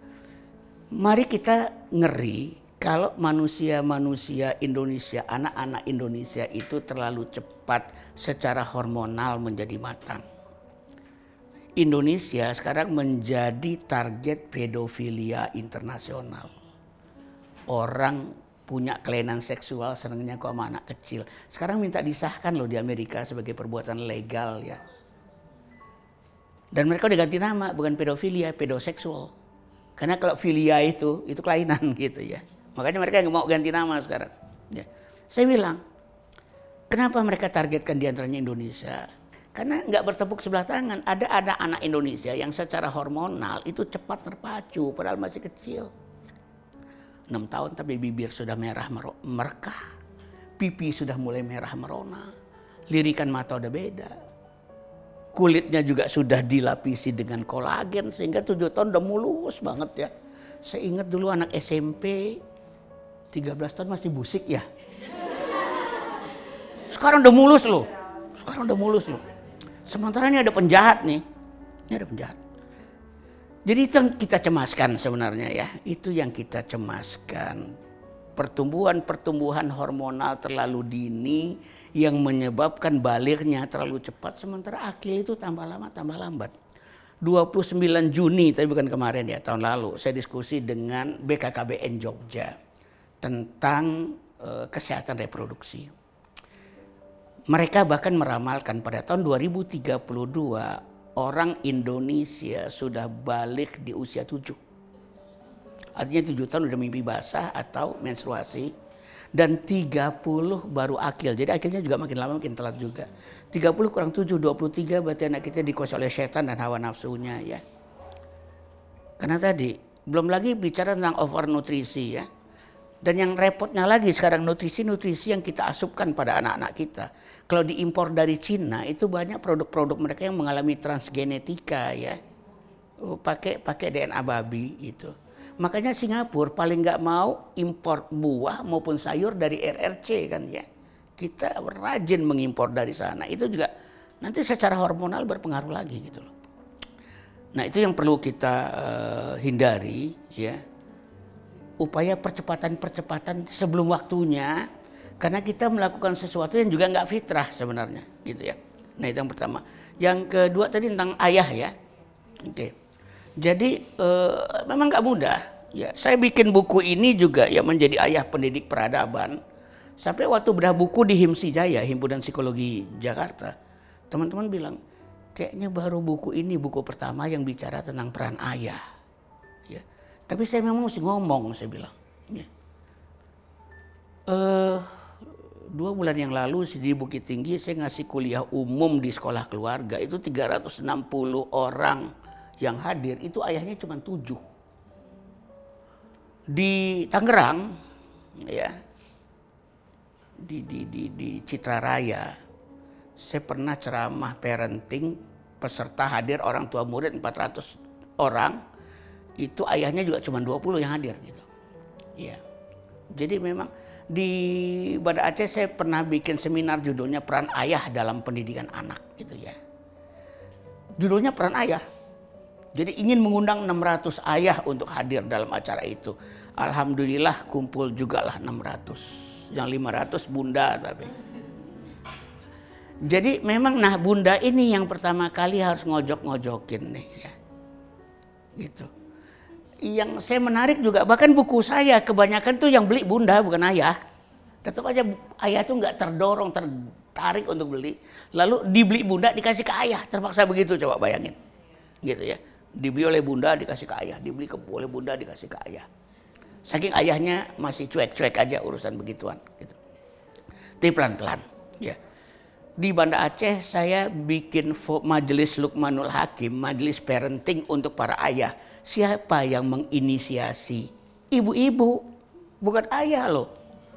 Ibu-ibu yang bikin inisiatif. Lalu berkumpullah ayahnya. Baru tujuh orang bu, pertama kali saya bikin tiga tahun yang lalu di Banda Aceh. Nah baru pelan-pelan, sekarang saya ada empat puluhan lebih ya. Baru saya bikin majelis Lukmanul, kalau majelis Lukmanul Hakim sekarang udah mulai banyak ya ada di Bekasi Utara di Sekolah Alam Jingga. Saya hari Sabtu besok juga di Cilebut ya. Di Cilebut juga uh, di Bandung juga ada beberapa. Tapi memang kesadaran ini mesti dibangun pelan-pelan. Bunda dulu, bunda ngajak ayah gitu ya. Dan ada beberapa hal yang juga perlu diingatkan kepada ayah. Beberapa sih saya sudah sampaikan di buku ya. Contoh ya tadi hadis Rasulullah Kulu mauludin yuladu alal fitrah fa abawahu yuhawidani aw yunasrani aw majisani. Setiap anak telah dalam fitrah. Ayahnya lah yang menjadikan dia Yahudi, Nasrani atau Majusi. Abawa, banyak yang nggak sadar abawa itu ya abahnya, abahnya, abinya, gitu ya. Makanya karena peran abi itu besar, kenapa dalam Islam laki-laki mukmin boleh menikahi wanita ahli kitab? Banyak yang komplain loh Ter anaknya jadi ahli kitab dong, kan ibunya ahli kitab. Saya bilang tenang bu, dalam Islam mah yang didik anak tuh bapaknya. Insya Allah kalau bapaknya mukmin walaupun ibunya ahli kitab, insya Allah anaknya jadi mukmin. Jadi Islam ini tolong dipegang sepaket dong. Jangan megang asiknya doang menikahi ahli kitab halal bagi kamu. Wal musonatu minal ladzina utul kitab halul lakum. Di balik itu ada tanggung jawab karena sang ayah yang akan didik anaknya. Ingat, tolong ingatkan para ayah ya. Di dunia ayah boleh nuding-nuding bunda.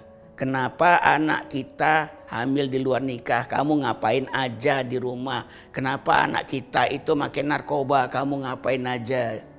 Kenapa anak kita itu ditangkap polisi gara-gara tawuran, kamu ngapain aja di rumah? Tapi ingat, semua pertanyaan itu di akhirat Allah tanyakan ke ayah bukan ke ibu. Tolong ingatkan. Dan memang ayah itu jadi kambing hitam di akhirat nanti. Ketika ahli neraka itu ditanya, kenapa kamu masuk neraka? Mereka mengatakan, natabi'u aba'ana. Kami mengikuti kelakuan bapak-bapak kami. Sampai Allah jawab, awalau kanu aba'ukum la yaqiluna syai'a wa la ya'lamun. Apakah kamu tetap akan mengikuti kelakuan bapak kamu walaupun bapak kamu tak berakal maupun tak berilmu? Afala taqilun. Kenapa kamu tak gunakan akalmu? Gitu. Dalam satu hadis riwayat Hakim dan Tabrani disampaikan Sejengkal seorang anak gadis keluar rumah tak menutup aurat. Sejengkal pula ayahnya dekat dengan pintu neraka. Ayahnya kok yang disebut bukan bundanya. Bunda mungkin capek di dunia ya. Tapi ayah letih di akhirat. Makanya bunda yang suka ngeluh-ngeluh enak ya jadi cowok ya di bunda di dunia nggak terlalu capek. Saya suka bilangin tukeran yuk, saya gituin. Saya mendingan capek di dunia asli. Karena ayah itu laki-laki itu letih di akhiratnya. Ya. Dan satu hal lagi yang ingin saya ingatkan. Ayah yang tak ikut mendidik anak di waktu kecil. Terancam tidak mendapatkan doanya anak soleh. Karena doanya anak soleh berbunyi. Rabbighfirli wali walidayya warhamhuma. Sayangnya pakai kama ya. Kalau nggak pakai kama ini doa enak betul sebenarnya. Kama rabbayani saghira. Wahai Tuhanku, ampunilah dosaku dan dosa kedua orang tuaku. Rahmatilah keduanya. Sebagaimana? Karena keduanya telah robayani di waktu kecil. Apa arti robayani? Robayani selama ini diterjemahkan sebagai menyayangi dan mengasihi. Robaya berasal dari kata robba, ya rubbu, tarbiyah, robbaya, mendidik Rahmatilah keduanya karena keduanya telah mendidik aku di waktu kecil. Yang tak mendidik anaknya di waktu kecil terancam tak kebagian doanya anak soleh. Sayang menjadi ayah. Sementara pahala kita itu nggak cukup untuk beli surganya Allah. Surganya Allah itu mahal. Butuh disupport dengan doa anak soleh. Disupport oleh sodakoh jariah. Disupport oleh uh, apa namanya ilmu yang dimanfaatkan. Ya. Idza matabna Adam in qata'at a'maluhu illa min thalath. Sadaqatun jariyah wal ilmu yuntafa'u bi wa waladun salihun yad'uhu Jika mati anak Adam putus semua amalnya kecuali tiga. Pertama, sodakoh yang memiliki multiplying effect jariah ya, multiply. Yang kedua, ilmu yang dimanfaatkan dan yang ketiga, anak soleh yang mendoakan dengan doa yang seperti tadi. Jadi sayang betul, bahkan bukan kepada ayah saja, kepada bunda juga saya ingatkan. Dalam Islam itu berlaku kaidah ayah bunda sekalian. Pahala itu akan didapatkan oleh yang mengajarkan. Kalau kita yang mengajarkan anak kita sholat, maka setiap kali dia sholat, dia dapat pahala, kita dapat pahala. Tapi kalau gurunya yang mengajarkan anak kita sholat, maka setiap kali anak sholat dia dapat pahala dan gurunya yang dapat pahala. Kalau kita yang ngajari anak kita baca Quran, setiap kali dia baca Quran dia dapat pahala dan kita dapat pahala. Tapi kalau gurunya yang ngajarin dia baca Quran, maka setiap kali dia baca Quran yang dapat pahala dia dan gurunya. Ya. Makanya para ulama dari dulu sudah mengajarkan prinsip-prinsip agama itu orang tua yang ngajarin. Tapi teori, konsep dan penyempurnaannya silahkan kasih ke guru. Ajarkan anak kita baca Quran tajwid sama tahsinnya boleh pakai guru. Ajarkan anak kita sholat. Tentang rukun-rukunnya, tentang tukmaninah itu seperti apa, silakan serahkan ke guru. Jangan semuanya diserahkan ke guru. Islam mengajarkan untuk urusan pahala kita diminta tomaan. Tomaan itu artinya tamak. Tomak, ya. Urusan pahala itu mesti tamak gitu, serakah. Jangan kasih ke orang lain, kalau perlu rebut dari orang lain kan gitu. Selama anak kita masih sohiro biar kita didik terutama juga para ayahnya nah, gitu. nanti eh, kalau suatu ketika nanti kita akan bahas ya betapa luar biasanya peran ayah dalam mendidik anak di dalam Majelis Lukmanul Hakim itu ada 10 materi ya. ayah sebagai perumus visi dan misi ayah sebagai penanggung jawab dan pembuat kurikulumnya ayah sebagai konsultan bunda, ayah sebagai pendidik ego, ayah sebagai pendidik keimanan, termasuk ayah sang raja tega. Pendidikan tanpa tega akan gagal. Bunda nanti pembasuh luka atas teganya ayah. Walaupun sekarang juga sering tukeran. Tegaan juga bunda gitu ya. ya karena salah satu ciri kiamat kan emang tukeran. Laki jadi perempuan, perempuan jadi laki. Dalam hadis dikatakan salah satu tanda-tanda kiamat ya. Tukeran peran itu. Mungkin kira-kira gitu ya, Bu ya. Terima kasih. Alhamdulillah Wassalamualaikum warahmatullahi wabarakatuh.